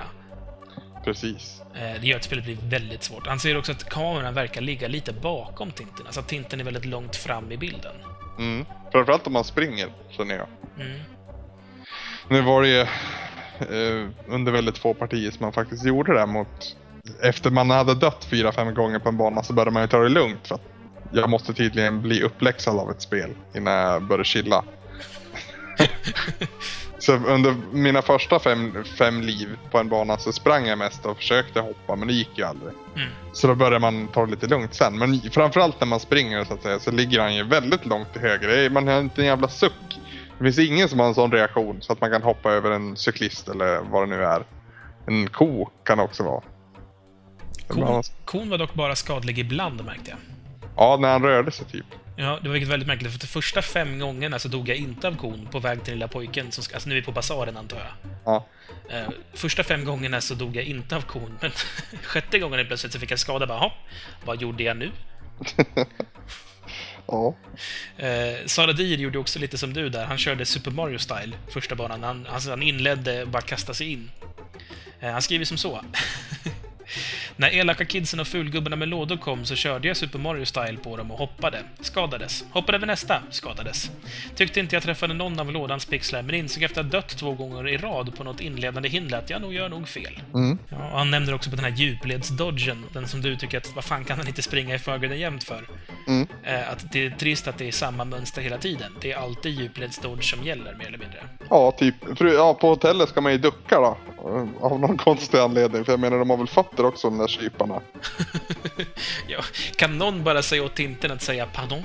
Ja. Det, alltså titta på, på, på, vad är det som är dina fiender? Det är barn som leker på första banan. Det är folk som kastar ut lådor från, eller höbalar fick jag det till, men kastar ut saker från ett tåg. Hur jävla svårt kan det vara att säga ursäkta? Och det, det här är ju, är ju lite av, av alltså problematiken med att man väljer att göra Tintin i Tibet, som det, det, jag har gjort fler spel i Tintin-serien av just Infogrames, det här är det Mm. första. Att välja just Tintin i Tibet måste ju vara baserat på att det är en populär serie, så man tog den för att den var, det här är en väldigt poppis, liksom, kidsen gillar just den här albumet. Men man hade inte i åtanke att det skulle översättas bra till ett spel. Nej, för jag menar, det finns ju inga naturliga fiender. Jag menar, när du är i munktemplet, eh, eller ja, men, eh, monastery på svenska, vad heter det? Mm. Eh, kloster. När du är i klostret, liksom uppe i bergen, då är det beende munkar som är liksom det du aktar dig för. Och där är det super, för du är i ett ganska stort rum och i förgrunden går det beende munkar och i liksom samma, samma plan som Tintin normal springer på så är det också beende munkar. Men däremellan är det liksom en jävla motorväg där ingen traskar. Jävla svårt kan det vara att bara stanna på mitten, inte springa hela vägen ut till kanten. Mm. Det stör mig på jävligt mycket. Det är väldigt gammalt tänk i det här spelet. Mm. Eh, tidig NES-tänk skulle jag vilja placera det som. Jag skulle säga att det, det, ja, det är det, men vad det framförallt är att det är liksom dåliga ursäkter för att skapa gameplay. Mm -mm. Eh, Irriterar mig som fan. Alltså, Lefyrius säger att Tintin borde kanske fått en pistol. Oh. Åh, ja, men det första jag skulle göra då var att skjuta Tintin faktiskt. Så... jag vet inte om det var så bra. Lefyrius tycker i och för sig att då hade det inte riktigt varit Tintin längre eftersom han inte använde sig av vapen särskilt mycket. Mycket självmord och politik i det här avsnittet. Jag vet inte. Ja, Tarmstorm säger “Varför vill allting döda mig? Alla substantiv jag kan komma på till spelet börjar på mördar. Mördarstockar, mördarpaket, mördarbetjänter, mördarpudlar, mördardammsugare, mördarånga, mördarcyklister, the list goes on and on.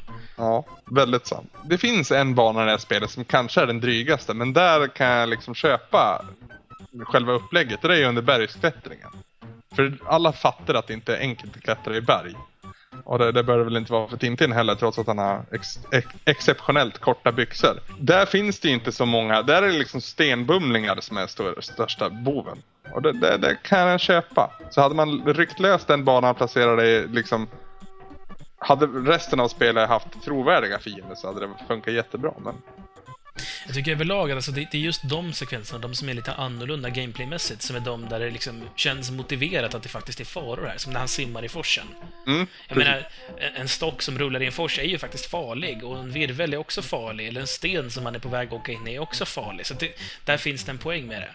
ja. Precis som du säger. Så det, det- det blir liksom fånigt när man bara hittar på resten. Mm. Tarmstorm säger Tintin lever farligt. Jag förstår att det är farligt att simma i en vild fors fylld av onda mördarstockar. Men att riskera sitt liv för att få gå ner till receptionen i sitt hotell. ja, jag vet inte fan varför han måste, varför han måste ducka för kyparna. Jag vet inte. Ja, eller varför tanterna springer på honom med sin dammsugare och varför det mördar honom. Och hur skitigt det bör vara just under den lilla ytan som den här tanten fortsätter dammsuga om och om och om igen. Jag tror att, det är, alltså de, jag tror att de har så här, vet, de har ju som små staplar av bagage som blockerar av olika punkter. Ja, Jag tror att det kan vara så att man har liksom som så här... På den här ytan, vi kallar det för yta A, så städar vi. På yta B så finns det en hund. Ja. Efter ett tag har hunden bajsat på mattan. Då flyttar man hunden till läge A och sätter städtanten i läge B. Så liksom, det, det, det är som Golden Gate-bron, att den är konstant under ommålning. För så fort man har målat färdigt bron, då måste man börja om igen från början. ja jag såg en dokumentär om Golden Gate-bron förresten. Det är den platsen där det är mest populärt att ta sitt liv. Så det är, det är en kille som har filmat den bron varje dag under ett år. Väldigt eh, jobbig film att se kan man väl summera det som. Jäkla massa självmord vi pratar om den här. Ja, jag kände det jag också. Ehm, Jag, jag måste bara dra till citat från Tarmstorm, för det var så jävla bra. ja, Jag skulle nog till och med hellre bo i Silent Hill än att vara Tintin för en dag. Det tycker jag är ganska talande. faktiskt. Jag undrar hur Tintin skulle göra sig i ett sånt här eh, Marvel vs. Infogrames. Jävlar vad stryk han skulle få alltså. Ja, ja, fan det är bara att slänga ut en dammsugare så har du vunnit matchen. se, se upp för ångan Tintin. Ah! Eh, Vi pratade lite om klättrarbanan tidigare. Mm. Eh, Lefyrius tycker att det var en riktig pain in the ass-bana. Lång, jobbig och man vet inte vart man ska. Ja, det är genomgående för hela spelet för övrigt. Att det är extremt dålig handhållning i det här spelet. Det, det, alltså, jag vet, det finns jättebra ord för det här säkert Samson. Nej, jag tycker du har helt rätt i handhållning. Tycker jag, perfekt. Alltså man, man, man driver inte spelaren åt rätt håll någon gång. Nej, och jag menar det kan göras för, för mycket. Alltså, så här, gå hitåt, gå ditåt. Men alltså det vore ju skönt. Hotellbanan är ett ypperligt exempel på att ha en liten hint om vad man ska göra. För att när du börjar banan då börjar tiden ticka på en gång men du vet fan inte vad du ska göra. Nej, och just, just den banan var extrem, för där har du inte ens något uppdrag. Vad ska du göra på hotellet? Du ska typ överleva. Akta för mördarkyparna och hundarna och ja, väskor och allt vad det är. Ja, men sen också, alla andra banor har ju någon typ av uppdrag. Alltså, nä- nästa bana så är det ju på den här basaren och så säger det så här, okej, vi ska leta upp Changs föräldrars butik. Mm. Eller släktingar. Och då vet du att okej, jag ska göra det, så då börjar du leta aktivt på banan efter den butiken, eller folk som kan hjälpa dig hitta dit. Mm. Vad fan gör jag i hotellet? Det är inte så här, nu måste du gå till receptionen, utan det är bara så här, här är ett hotell. Jaha? Alltså visst, Mario behövde liksom inte så här, ta det åt höger, men där fanns det ju bara spring åt höger, så det var väl inte så jävla petnoga liksom. Nej, precis. Ja, jag vet inte vad jag ska säga. Lefyres höll på att prata om bergsklättarbanan va? Ja, alltså det han skulle säga var att han inte... Det gick så pass långt att han var tvungen att kolla upp hur man gör för att klara den. Och där måste jag faktiskt instämma. Ja, det här fick jag göra på flera banor. Flera banor så spelade jag och, och liksom tyckte att så här, men vad fan ska jag då? Vad håller jag på med? Och så börjar tiden ticka och så till slut så dör man av tiden. Och till slut så är det slut på alla liv och så blir man bara sur och tänker, vad fan spelar jag det här för? Jag ska vara rak och riktigt jävla öppen och ärlig med det här spelet och säga att jag inte klarar det. Under bergsklättrarbanan så sket jag i det. Det var inte för att jag hade exceptionellt svårt just under den utan det var för att jag orkade helt enkelt inte längre. Jag orkar inte med det där jävla skitspelet med den där jävla fjanten. Korta byxor och fult jävla hår och en hund som behöver... Ja, det, ja. Så, så jag sket i det. Jag la det åt sidan och så kollade jag upp resten av banorna för att veta vad vi snackar om liksom. Ja, via det här fantastiska internet vi har. Då. Så och någonsin har jag svikit er. Jag tycker att i det här fallet så är det faktiskt helt okej. Jag, jag var väldigt nära att göra samma sak, men jag gav ju mig fan på det, precis som jag alltid gör. Mm.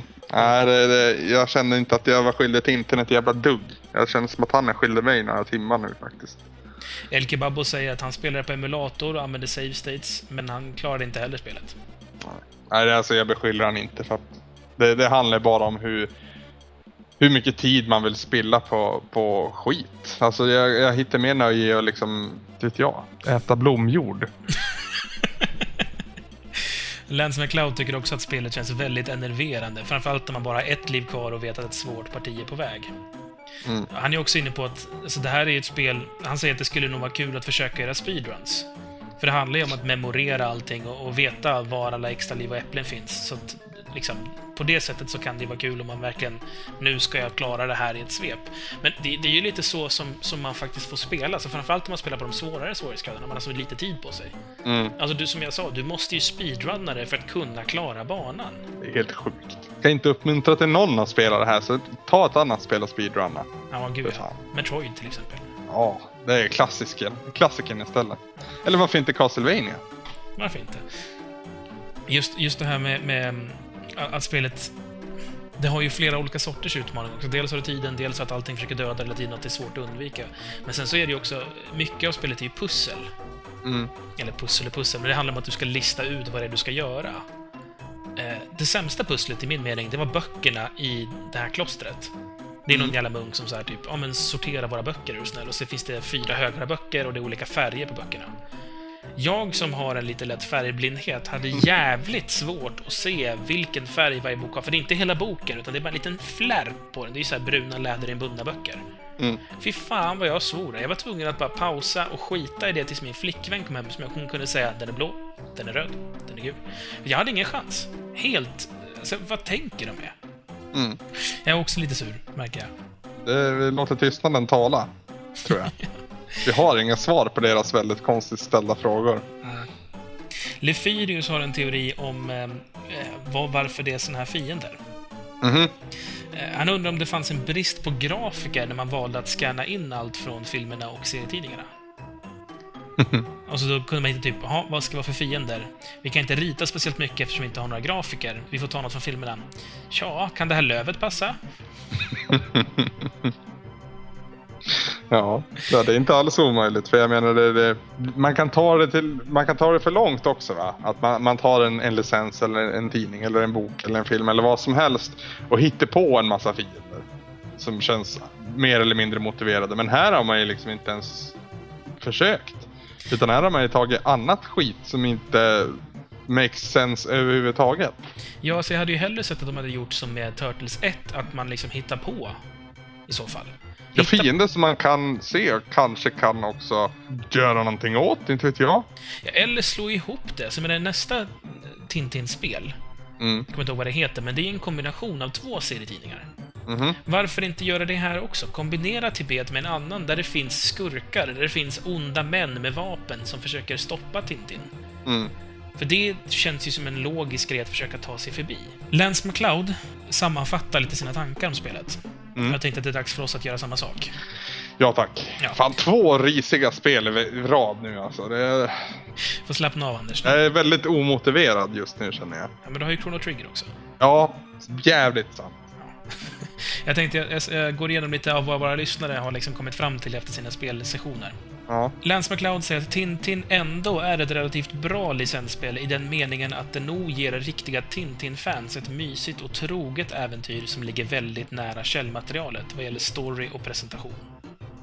Och det tycker jag att han har en väldigt bra poäng med, för det känns ju Tintin. Alltså utöver hur svårt det är, utöver hur dumt det är, så det som berättas och de miljöer man vistas i känns ju faktiskt väldigt Tintin. Mm. Jag ställer mig frågan till, ska det här verkligen vara ett plattformsspel? Nej. Nej. Det ska inte ens vara ett spel egentligen. Alltså, Jo, men alltså, det hade ju kunnat gjorts jävligt bra som ett peka och klicka-spel. kanske. För Tintin är ju inte action. Alltså, Tintin-böckerna handlar ju om att klura, fundera och göra detektivarbete. Jag hade jätte, jättegärna sett att man löste det här mer som ett Monkey Island, eller Broken Sword. Har du spelat det? Nej. Det, det är också ett peka och klicka-spel, fast det är... Det, det, det är också en väldigt Tintin-lik karaktär i det för övrigt. Mm. Eh, Men, men jag hade hellre sett ett Broken Sword-aktigt tema. Att det är liksom, man är en äventyrare som ska liksom ut i världen och äventyra. Och, och det handlar mer om att lösa en situation och du har god tid på dig. Det handlar inte om att du ska trycka på rätt knapp vid rätt läge så att du inte blir översprungen av några springande barn. Utan istället att liksom klura ut, okej, nu är jag fastbunden i den här stolen i det här hotellrummet och det brinner runt om mig. Hur gör jag för att ta mig ut? Okej. Alltså den sortens, nu är det liksom ett exempel just från Broken Sword 2, tror jag det. Eh, men, men den sortens tänk hade kunnat funkat mycket, mycket bättre som ett Tintin-spel, tror jag. Mm. Absolut inte ett plattformsspel. Alltså, peka och klicka är ju i mångt och mycket ett bra alternativ faktiskt nu när du säger det. Jag tänker ju direkt att jag vill ha ett spel, nu väldigt förenklat, men Heavy Rain typ, där berättelsen står i fokus och du, du ska i princip bara välja alternativ hela tiden. Ja, Men det är ju vad peka och funka. klicka är när, när det väl kommer till krita. Ja, egentligen. Det är ju, det är ju samma princip, fast det är Ja. lite mer tempo då i Heavy Rain. Ja, precis. Lufidius säger att spelet hade kunnat blivit en klassiker om de hade gjort det mycket enklare så att fler hade kunnat uppleva hela storyn. Mm. Just nu känns det som ett arkadspel där konverteringen har gått fel. Mm. Ja, det, det äter ju liv, så det, det skulle lika gärna kunna varit ett, ett sunkigt arkadspel faktiskt, har du helt rätt i. Ja. El Kebabo säger att Tintin som en serie för barn borde ju ha ett mer barnanpassat spel. Ja, verkligen. Sara Dir däremot säger att i sin helhet är det ett kompetent plattformsäventyrsspel som ville krydda lite med djupled och små variationer. Simning, bergsklättring och så vidare. Jag, jag är svårt att hålla med där. Alltså, presentationsmässigt är det ju spot on och det är troget serietidningen eller tidningsalbumet eller vad man säger. Men eh, det är inte ett kompetent plattformsspel. Det finns inte en chans i världen att jag ska kalla det det. Han säger att eh, Tintin är ingen blå bombare med sina plattformshopp, men det duger. Jag vet inte om jag håller med alls där faktiskt. Nej, han kanske hittar den här Ultra Easy-settingen som vi missar. Där, där han inte dör av löv och flugor och grenar och hundar och barn och ja, tid. Det är så absurt att man dör av tid. Ja. Eller alla dör ju av tid om man ska se det så, men ja, jo, men det går lite på speed när det gäller han va? ja, Han är väldigt existentiell Tintin, vet du. Ögonblicket du föds börjar du att dö. Ja. Mm. Så tibetanskt. Men titta vad passande! Det är tema!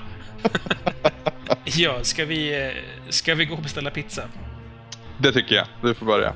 Jag tänkte att vi skulle börja med vad Tarmström säger, för han har också kokat upp en pizza åt oss. Vad kul! Mm. Han säger om det hade varit en pizza så hade det varit en rätt absurd maträtt. Ja. Tänk er att ni är i Belgien på semester. Du glider in på en pizzeria. Till din fasa upptäcker du att menyn är på belgiska, av uppenbara anledningar. Som tur är finns det bilder på menyn, du pekar på en calzone.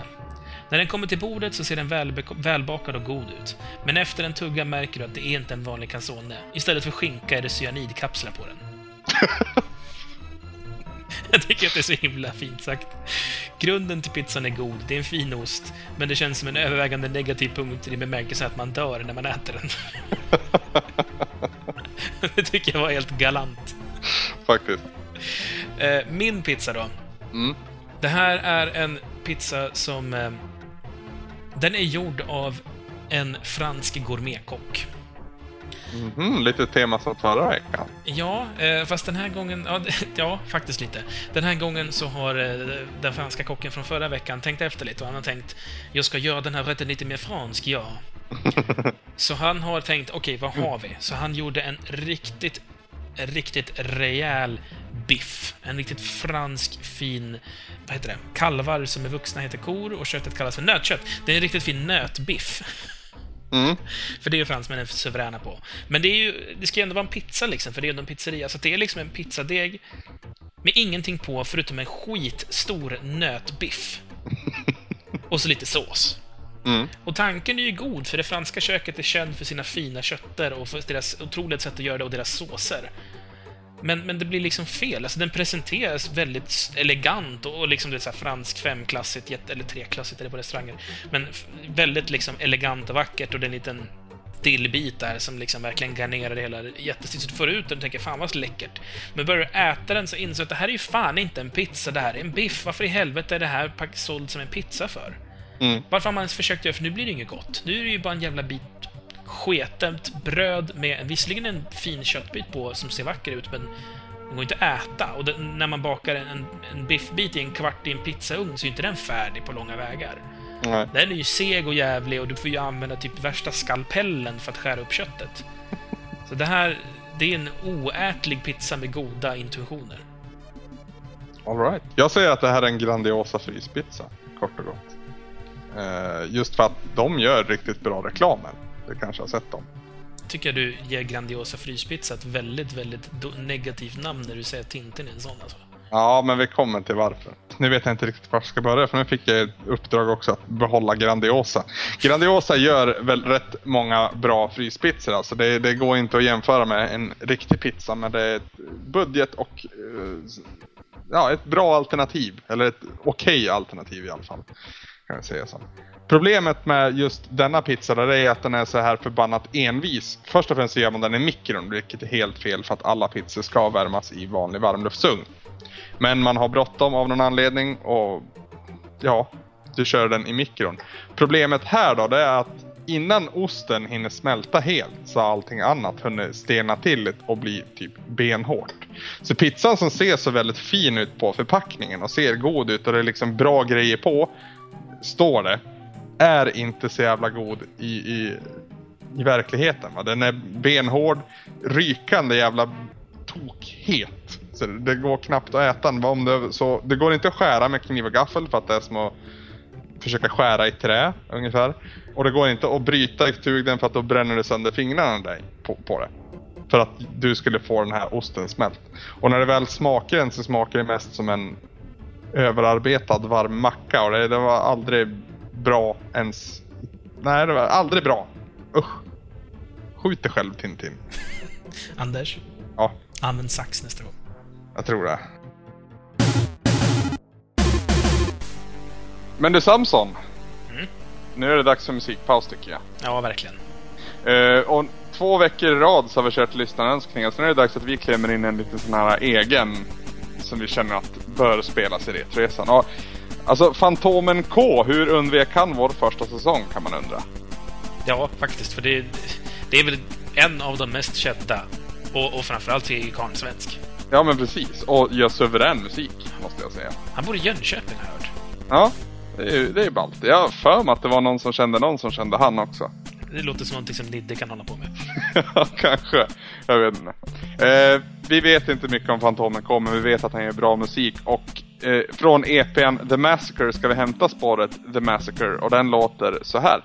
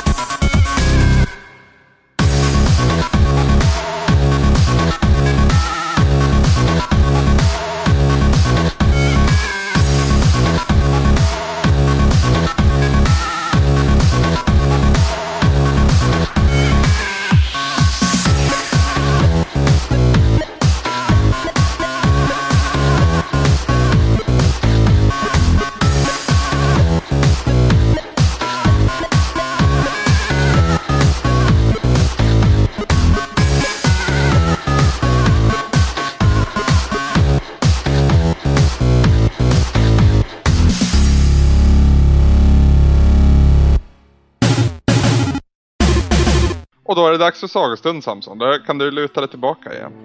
Härligt. Mm. Eh, ni som kommer ihåg förra veckans sagostund och minns att vi lärde känna vår senaste kompanjon Robo då. Och att vi hamnade lite fel när vi försökte resa i tiden tillbaka till vår tid och vi hamnade då istället vid, ja vad säger man, tidens slut. Det låter konstigt när man översätter det men ja, the end of time.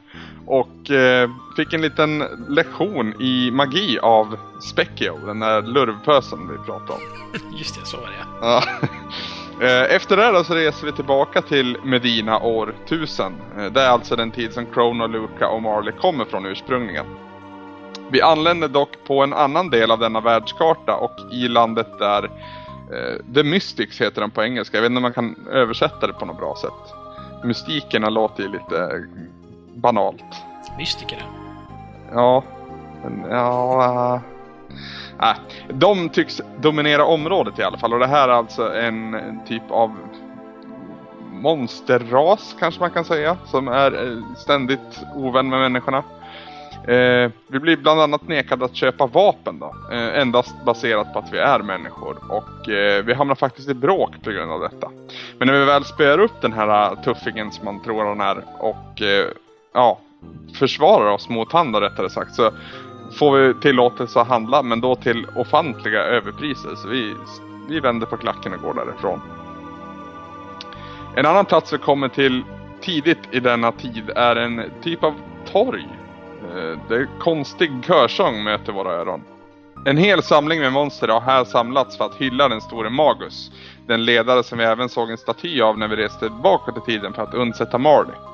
I, alldeles i början av sagostunden. Eh, de monster som har samlats här, de attackerar oss inte dock. Utan de är alldeles för upptagna med att hylla sin forne ledare. Och vi får reda på rätt så smaskig och eh, väldigt viktig information här. Och det är nämligen att eh, Magus då, den här ledaren för mystikerna eller vad vi ska säga. Det var faktiskt han som skapade Lavos för 400 år sedan för att då störta människorasen. Och det här är någonting som han lyckades med, vet vi ju vid det här laget. Vi måste alltså längre bak i tiden för att kunna lyckas med att förändra människoödet. Vi promenerar vidare i denna outforskade värld och vi kommer till en grotta. Och den här grottan den innehåller väldigt mycket monster och de här är dessutom rätt duktiga på att gömma sig. Så vi ser dem ju oftast för sent. Eh, när de redan har hamnat, när vi redan har hamnat i en strid med Eh, som jag berättade förut så kunde man ju undvika många strider genom att springa runt sina fiender här. Det är inga mer random encounters. Förutom nu då, så att säga. För nu gömmer de sig. Men jag brukar faktiskt välja att undvika många strider. Just för att det känns så menlöst. Jag får knappt några XP-poäng för det och det går... Alltså det är ja, menlöst helt enkelt. Eh, ett annat genomgående tema för dessa fiender är att de är väldigt tåliga mot just fysiska attacker. Men eh, desto vekare de mot magiska som vi lyckligtvis lärde oss rätt nyligen. Genom massvis av tunnlar och små bäckar slåss vi innan vi når en eh, sparpunkt, eller ska jag säga savepunkt kanske? Ja, såklart uh, som, ja, det indikerar ju alltid på att det är någonting stort på gång och så även nu. Så vi, vi sparar, vi vilar upp oss och vi går sedan in för att möta Heckran. För det är så han heter, uh, den här bossen vi ska möta här. Han är inte vidare snällt inställd mot människor och uh, han låter oss veta det om och om igen. Precis som med många andra bossfighter hittills så gäller det att attackera på rätt ställe. Normalt så har Heckran en väldigt elak counterattack men eh, det finns en lucka på några kommandon där han inte kan göra den här attacken och det är då man får slå till då. Och när man sedan slår till så är det viktigt att man just använder en magisk attack precis som med de andra monstren i den här grottan för att fysiska attacker tar i stort sett ingenting mot den här eh, besten. Eh, på grund av det här så blir den här fighten väldigt lång men min strategi är snudd på vattentät. Och tack vare Marleys healingkunskaper som man nu kan kombinera med både Robo och Chrono för att hila hela partyt så kan vi till slut gå vinnande ur striden. Anders, den här byn som du, som du så att säga kom till, Medina som den heter. Mm. Eh, världen heter väl Medina, jag tror området heter något annat faktiskt. För Medina har vi ju varit, det var ju där spelet började faktiskt. Ja, Medina Village tror jag den här stan heter. Okej, okay, okej. Okay. Det kan det ju vara att det faktiskt hela området också heter, men det här är i alla fall Medina Village. Mm. Eller Village of Magic, som den också kallas. Mm. Eh, monsterna som, som mer eller mindre är 100% av alla invånare här är ju sådana. Mm. Eh, de är alltså eh, ättlingar till Magus gamla armé. Ja, just det.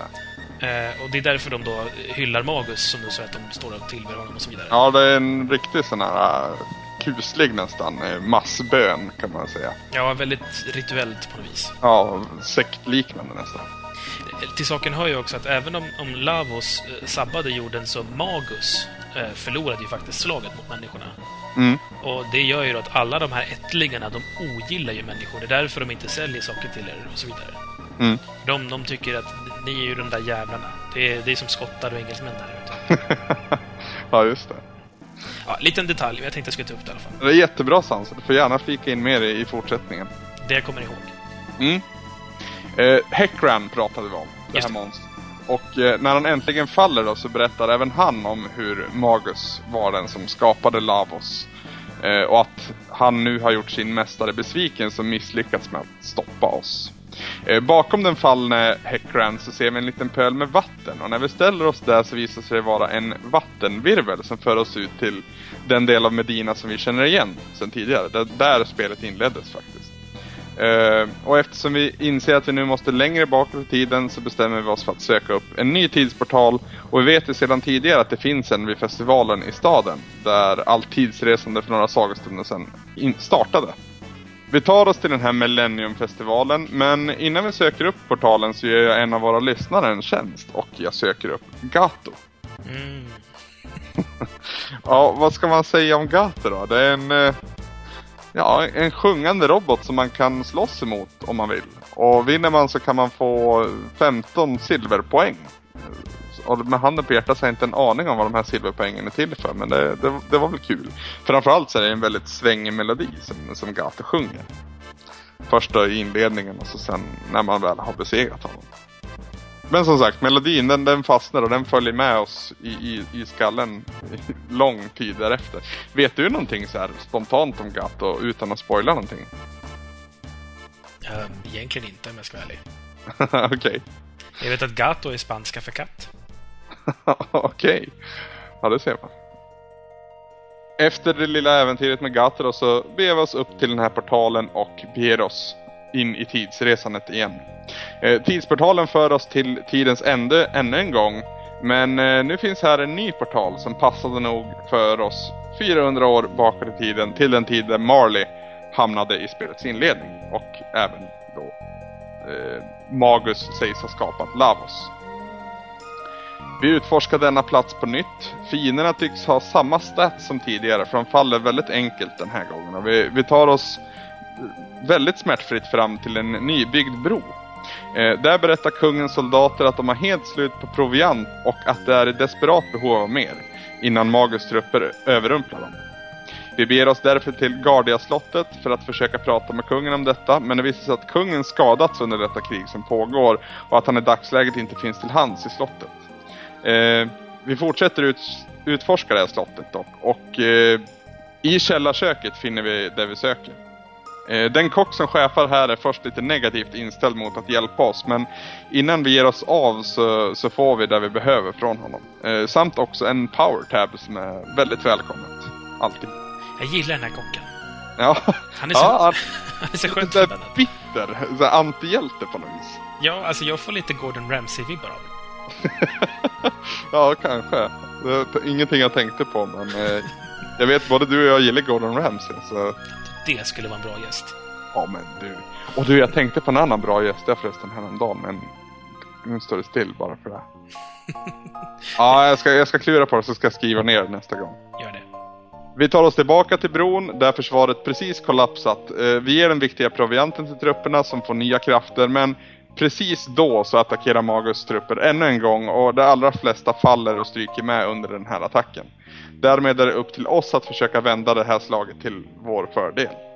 När vi intar bron ser vi en av generalerna i Magus krigsmakt, eh, Ossi heter han. Eh, och han verkar ha förmågan att väcka liv i de döda som i sin tur utgör fiender mot oss. De här fienderna faller dock ganska enkelt tack vare våra magiattacker och vi hinner även ge Ossi på nöten innan han flyr längre bakåt på bron. Och den här proceduren den upprepas ett par gånger då Ossi skickar skelettmonster mot oss som vi en efter en tar ner. Till slut får Ossi nog och skapar en ny typ av fiende som är den starkaste någonsin enligt honom själv. Och den här fienden kallas Sombor och blir därmed en, ännu en bossfight som vårat party får ta itu med. Och det här är faktiskt en av de tuffaste fighterna hittills måste jag säga. Sombor är, eh, likt de tidigare fienderna, också skelett. Men han ser rätt annorlunda ut och han är dubbelt så stor. Och eh, ja, han består av två huvudsakliga delar.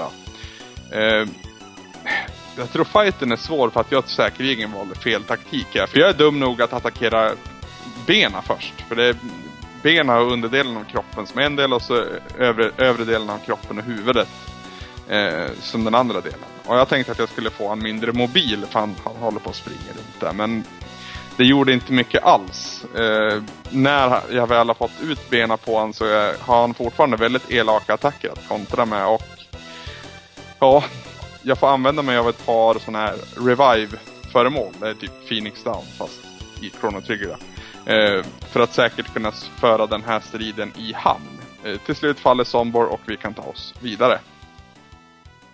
När vi har passerat den här bron så når vi en mindre stad med några mindre hus. Och i en av husen drar en konversation igång så fort vi kommer in mellan två eh, gamlingar kan man väl säga. Som eh, berättar om att det enda som faktiskt kan besegra Magus är det legendariska svärdet Massamune. Och eh, den enda som kan svinga detta svärd i sin tur är den mytomspunne hjälten. Om det här är Croner de pratar om eh, vet jag faktiskt inte. Det, det, det, framgår inte men det lutar väl lite åt det hållet kan jag tycka. Eh, vi får i alla fall reda på att det här svärdet är beläget i ett intilliggande berg så vi beger oss dit. Berget kallas Dendaro och inte helt oväntat så är det väl beskyddat. Något som jag finner väldigt konstigt är att ett litet barn springer omkring vettskrämt här och eh, hack i häl kommer sedan en Goblin, ett typ av monster som vi väldigt, väldigt enkelt ta ner. Eh, men efter det också kommer ett liknande monster som inte faller alls lika enkelt. Ehm, och just det här berget verkar krylla av de här välbepansrade monstren. Eh, extremt tåliga mot mina attacker men eh, lyckligtvis så finns det ett trick upptäcker jag. Använder man Lukas eldbaserade attacker verkar de här fiendernas utrustning försvinna och i och med det så blir de väldigt enkla att ta ner. Så, så fort jag upptäcker det här så är mitt huvudvärk borta kan man säga. Bara flika in en annan grej också bara. Mm. Stan som du precis var i, Mm. den heter Porr. Heter den porr? Ja. Ja, det var det att jag missade det här då. Det är bara en som får en detalj. P-O-R-R-E. Okej, det var det där et som sabbade för att det var riktigt så här kinky. Vi fortsätter i alla fall upp på det här berget och eh, vi stöter på allt fler av de här fienderna samt också några väldigt störande fåglar som envisas med att kasta sten mot och på oss. Eh, men i strid så är de superenkla att ta ner även dem. De är oftast en attack bara. Och det är inte så mycket mer att gå in på här. Vi möter många likartade fiender som alla faller förr eller senare. Rent allmänt känner jag mig rätt så overpowered just nu. Eh, eller så är det inte tänkt att det här ska vara någon större utmaning. Jag, jag vet inte. En liten udda grej som händer dock är att när jag når toppen av det här berget så ser jag en bekant liten lurvpöse. Alltså Spekier då som sitter på bergskanten och hejar glatt på oss. Eh, mer får vi inte. Ingen, ingen förklaring till vad han gör där eller något i den stilen. Utan det var, verkar bara vara ett rätt roligt inslag. Och är det någon av våra lyssnare, eller du Samson, du får ju också prata här, så, som vet vad han gör där eller om, om det ens är han eller någon avlägsen kusin eller så, så får ni gärna hojta till i alla fall. Anders, den här lilla pojken du såg i, i, eh, i Porr. Ja, det var ju när vi kom, kom alldeles precis till det här berget. Mm. Eh, den här pojken är, heter Tata. Jaha, ja. Eh, han, han är ju från, från byn då. Han... Eh, det sägs att det är han som är hjälten som ska svinga svärdet. Mhm. Den lilla satan alltså. Ja, det sägs att det är han som är han. Okej. Ja, det, det, det ser man. Det missar jag helt. Men okej. vi får se hur det här går då. Ja, vart var jag Samson? Uh, ja, vi, vi slåss oss, slår oss upp för det här berget och vi kommer till slut till en öppning i, i berget som vi kan gå in i. Och när vi äntrar så möts vi av eh, det faktiska svärdet som vi är på jakt efter. Eh, men en liten pojke dyker upp bakom svärdet och presenterar sig som Mune. Eh, han frågar om vi är där för svärdets skull och när vi svarar ja så tillkallar han också sin större bror. Som är precis lika liten som han själv. Dock heter han Masa och med deras namn kombinerat för, blir det för den kvicktänkte just Masa Mune. Och eh, dessa två ska nu försvara svärdet mot oss eftersom de är övertygade om att vi inte är kapabla nog att svinga det. Masa och Mune är två små pojkar men de är rätt starka i sina attacker. Eh, det blir Mune som vi först attackerar och fokuserar på. Och för varje attack så, så kontrar han tillbaka men jag fortsätter med den här taktiken just för att han inte har så mycket att komma med just sin eh, kontringattack där. Till slut så har han fallit, men eh, slaget är långt ifrån över. Eh, faktum är att det faktiskt börjar just här, för efter den här lilla introduktionen då som man kan kalla det, så eh, får vi nu möta de här två i kombinerad form, vilket är en helt annan sak. De blir tillsammans ett stort monster som attackerar med en väldig kraft och dessutom besitter en hel del HP. Den attack som jag överanvänder lite här för att få en liten edge på min taktik, det är en kombinerad attack mellan Chrono och Marley som kallas Ice Sword. Jag vet även att Lance McLeod lämnade en kommentar där eh, till veckans avsnitt om hur, eh, hur häftig och cool den här attacken är och det är den verkligen. Den här fighten tar ju eh, en väldans lång tid för att jag, vet inte några exakta siffror men det måste vara över eh, ja, över två, nästan 3000 i, i HP den här Masamune har. Men till slut så, så, får han ge med sig. Vi har ju den här äh, fenomenala healing-möjligheten att eh, Marley och Chrono kan kombinera sin, sina två techs så att säga. Så att det, det healar hela partyt och det här överanvänds ju. Eller det används varannan gång kan man väl säga. Attackerar en gång och, och healar den andra gången. För att som sagt Masamune kombinerad form är väldigt dödlig. Nog den svåraste bossen på pappret så att säga som jag mött hittills. Till slut så får han dock ge med sig och eh, vi kan komma åt det här svärdet. Men när vi väl kommer nära så ser vi att det här svärdet inte är helt. Det är faktiskt eh, trasigt och det är inte komplett. Det, är, eh, det finns en annan del, minst en annan del, någon annanstans. Och vi måste då hitta den här andra delen. Men hur det går och ja, vart vi ska ta vägen, det får ni höra i nästa veckas avsnitt. Och ja, Samson, vi håller det kort. Eller jag håller det kort kanske. Ja, det, du har inte spelat så mycket, märker jag. Nej, jag hinner ju inte tycker jag. Det får bli som det blir. Du hinner ju klart eh, innan det är slut i alla fall. Ja, men precis. Och det, det, jag, jag tror hellre att man kör kortare sagostunder varenda gång än att jag håller på och, och ställer in som jag gjorde hela tiden med Final Fantasy 7 där i början. Ja, det, ja. Det har du nog väldigt rätt i faktiskt. Ja, jag hoppas att de, att vi, de kan ha överseende, de eh, kritikerna där ute. Hur, har du någon koll på vad eh, Masamune är för någonting? Inte mer än att det är ett rätt trasigt svärd som jag har nu i mitt ägo. Ja. För eh, Masamune är ett av de här eh, legendariska japanska svärden. Alltså det, det är ett eh, man kallar mytsvärd som, som har sin, sina rötter i gammal japansk mytologi. Okej. Okay. Så det, det, är inte något som är exklusivt för Chrono Trigger, utan det här är ett berömt svärd, så att säga. Jag tycker jag känner igen namnet. undrar om det, du vet Soul Calibur eller Soul Blade eller så. undrar om det inte finns någon, någon typ, någon karaktärssvärd heter just så där. Ja, det gör det säkert. Finns det ju säkert, eller framförallt så kanske du minns en, en viss Sephiroth. Uh, ja. Mm, han svingar massa Masamune. Aha! Fränt. Mm. Sen eh, tänkte jag, eh, alltså historien bakom, det här är väldigt eh, lånat så att säga från Tommy Håkansson från Svampriket, för han har ett jättefint blogginlägg om det här svärdet. Vi kanske kan länka dit då? Det tycker jag vi gör. Men jag tänkte jag skulle bara kort beskriva också myten bakom svärdet. Mm. Eh, det är alltså egentligen en svärdsmed som heter Masamune. Mm -hmm. och, och, legenden pratar om att han då var Japans bästa och mest respekterade svärdsmed. Han blev ändå utmanad av sin lärjunge som heter eh, Muramasa. Mm -hmm. Båda två kom överens om att de skulle tävla om vem som kan skapa det bästa svärdet. Eh, och efter då smidandet, som tar sin lilla tid, så ska de då testa sina svärd. Och då eh, lärjungen, Muramasa, börjar med att demonstrera sitt svärds duglighet genom att sänka ner bladet i floden. Mm. Och allting som då flyter nedströms mot klingan skärs itu. Alltså stockar, fiskar, löv, till och med vattnet och vinden. Oj. Så att all, allting klyvs. Ja. Och sen så är det Masamunes tur att doppa sitt svärd i floden. Alltså mästen då, så att säga. Och eh, fiskarna studsar mot hans blad. Löven som skärs sönder återförenas och blir, bak och blir hela igen bakom svärdet. Eh, så lärjungen då, Muramasa, han tycker att nu har jag vunnit över min mäster.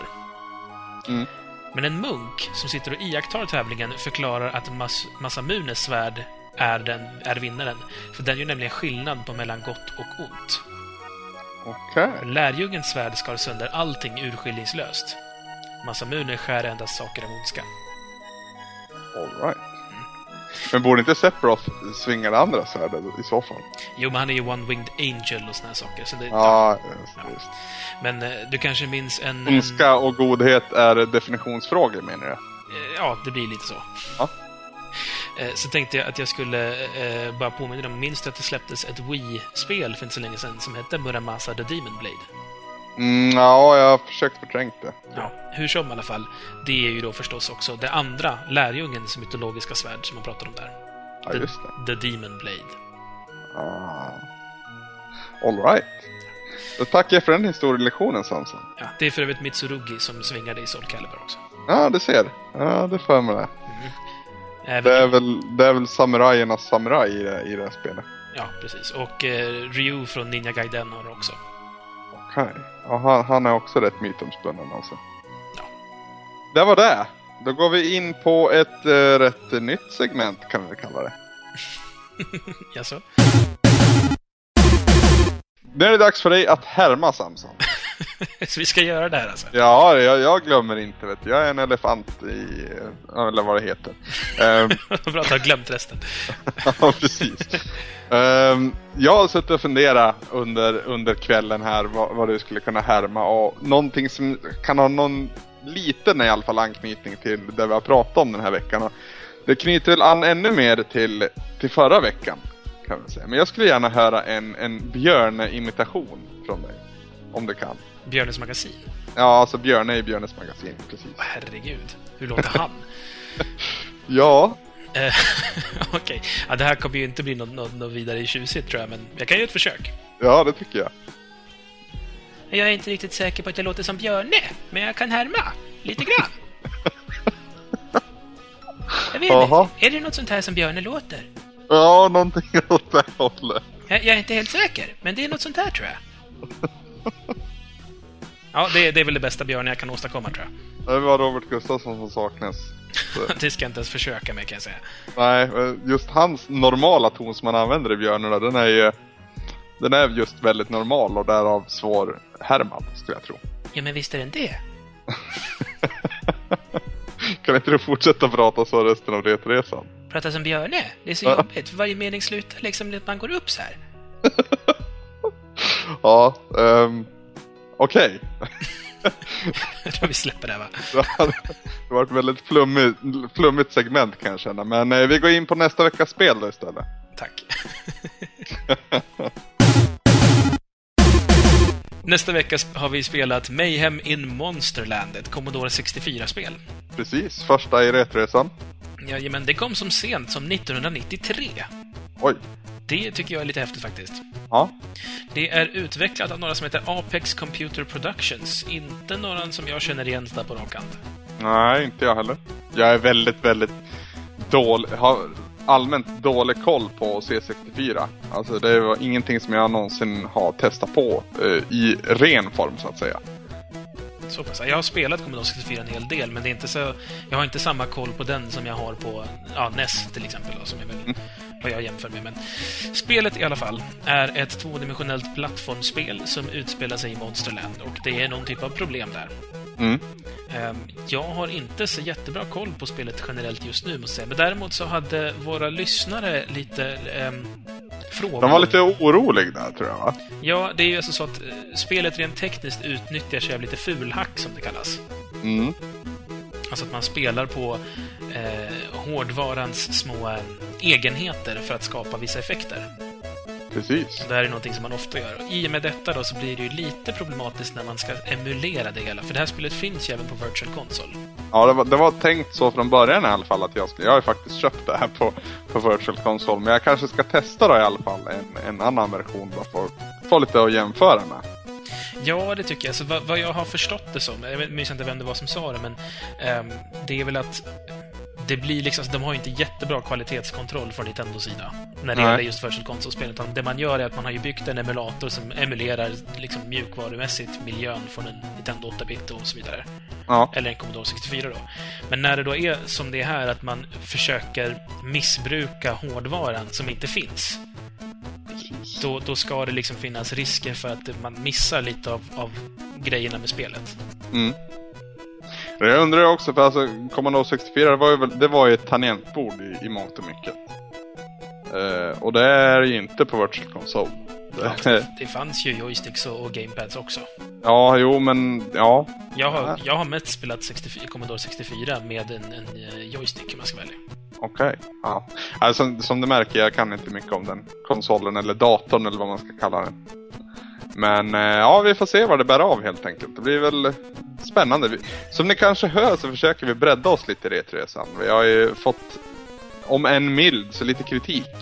För att vi är lite för kär i just eh, plattformsspel på SNES och NES. Så vi kör plattformsspel på Commodore 64 istället? Precis. ja, eh, huvudrollen heter Mayhem och han är en triceratops. Okej. Okay. Eh, som har... Vi gillar dinosaurier har jag hört. Ja, vi gör ju det. Ja.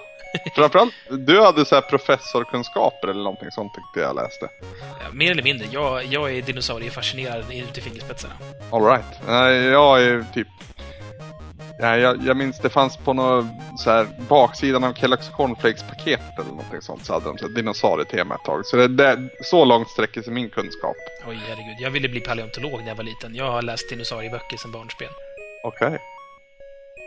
Du kollade på Dino Rider? Ja just det, det har vi ju fan döpt ett avsnitt till. Go Go Dino Riders. Ja, grym jävla serie alltså. Ja. Jag blir alltid lite irriterad dock. Jaha. Eller inte just på den, men alltid när man pratar med människor som, som säger att de gillar dinosaurier. Du är ju ärlig nog och säger att du inte liksom superhemma på det. Mm. Men jättemånga, alltså det är ju så jävla coolt att gilla 80-talet, säger alla. Mm. 80-talet var ju då dinosaurieboomen kom, eller egentligen tidigt 90 kanske, men, men ja, den här boomen när alla små kids gillade dinosaurier var väl i och med Jurassic Park misstänker så det är väl 93 kanske, där någonstans? Ja, 93, 94, eller kanske 92. Ja, 90 93 var ju rätt bra pikat där alltså. Tidigt 90 hur som helst. Ja. Hur som i alla fall, alla de har ju massa felaktig information eftersom man i filmen Jurassic Park tar sig massa konstnärliga friheter. Verkligen. Ja. Det vet jag faktiskt om. Eh, Jag vet, minns inte hur jag vet om det, men eh, det är väl framförallt Velociraptor eller vad man säger. Alltså Ja, raptorerna som är alldeles, alldeles för stor än vad de egentligen var. Ja, alltså när man... I boken så är det Veloc- Velociraptor. Alltså en Velociraptor är, är knappt upp till midjan på en människa egentligen. Mm. Så att en fight mot en Velociraptor kanske inte är så jävla spännande. Däremot en fight mot en... Nu har jag glömt bort vad de heter, men det finns i alla fall en annan dinosaurieras som är inspirationskällan till filmens Velociraptor. Mhm. De är sådär coola som de är i filmen. Okej, så man gjorde... Jag tror inte att man gjorde en förenkling bara. Att eh, det var enklare att säga Velociraptor eller någonting sånt. Alltså i boken som Michael Crichton skrivit, där är de små. Okej. Det är bara att alltså, de är farliga för att de är många och för att de är intelligenta. Lite som i eh, The Lost World då. Det är väl så Peter Stormare stryker med. Till exempel. ja. Nu är det en, en helt annan ras också Heter förstås. de? De heter Gon någonting va? Det kan jag inte i huvudet heller, men alldeles för länge sedan jag såg filmen. Men jag kan kolla upp dem om du vill. De som ser alldeles jätteoskyldiga ut men som inte riktigt är det. De är typ som vandrande pirajer typ. Nej, nu, nu tänker du på pudlar. ja, nej, men... Eh, vad skulle jag komma? Jo, det är i alla fall det är en triceratops som för övrigt har visat sig inte vara en egen ras vid det här laget. Ehm, som heter Mayhem och eh, målet med eh, spelet då är att han ska eh, få sin värld glad igen. Mhm, Den är tydligen väldigt ledsen. okej. Eh, Vad ambitiöst av honom. det är ja, lite såhär, jag ska måla hela världen lilla mamma. ja, visst. Ja, det gillar jag. Spelet fick kritik för att det var lite för konsolaktigt. för Commodore 64, det var ju lite av en dator. Det var ju mer en hemdator än ett- en spelmaskin, tyckte man. Det okej. var, man var ju lite finare om man spelade Commodore 64 än om man spelade Nintendo, liksom. Vi var mer street med andra ord. Nja, alltså jag tror att de här, de här tyckte de var äkta och att vi var de som var så här dumma kidsen som inte fattade bättre, typ. Okej. Eh, Och det här är ju spel som, som hämtar mycket inspiration från samtida då Nintendo och Sega Mega Drive. Mm. Så att så jävla långt går vi inte från vår ursprungliga... från vår, vår Nej, men det- kritik. Det är ett steg åt det hållet i alla fall. Vi, vi, vi öppnar dörren lite på glänt här. Kan jag också säga att spelet släppte, eller det släpptes en uppföljare till spelet 2004 till mobiltelefoner. Jaha, Mayhems Magic Dust heter det. alright. Men då, Anders, då börjar det bli dags att runda av, tror jag. Ja, visst är det så. Som vanligt så vill vi jättegärna att ni kommunicerar med oss och det gör ni väldigt enkelt på massa olika sätt. Det är bara att välja vad som passar bäst. Man kan lämna en kommentar på vår hemsida. Det är väl jätteenkelt. Retroresan.se heter vi, eller är adressen till oss snarare. Vi har även en Facebook-sida, facebook.com retroresan. Vi finns på Twitter, där heter vi, ja det vet ni, Retroresan.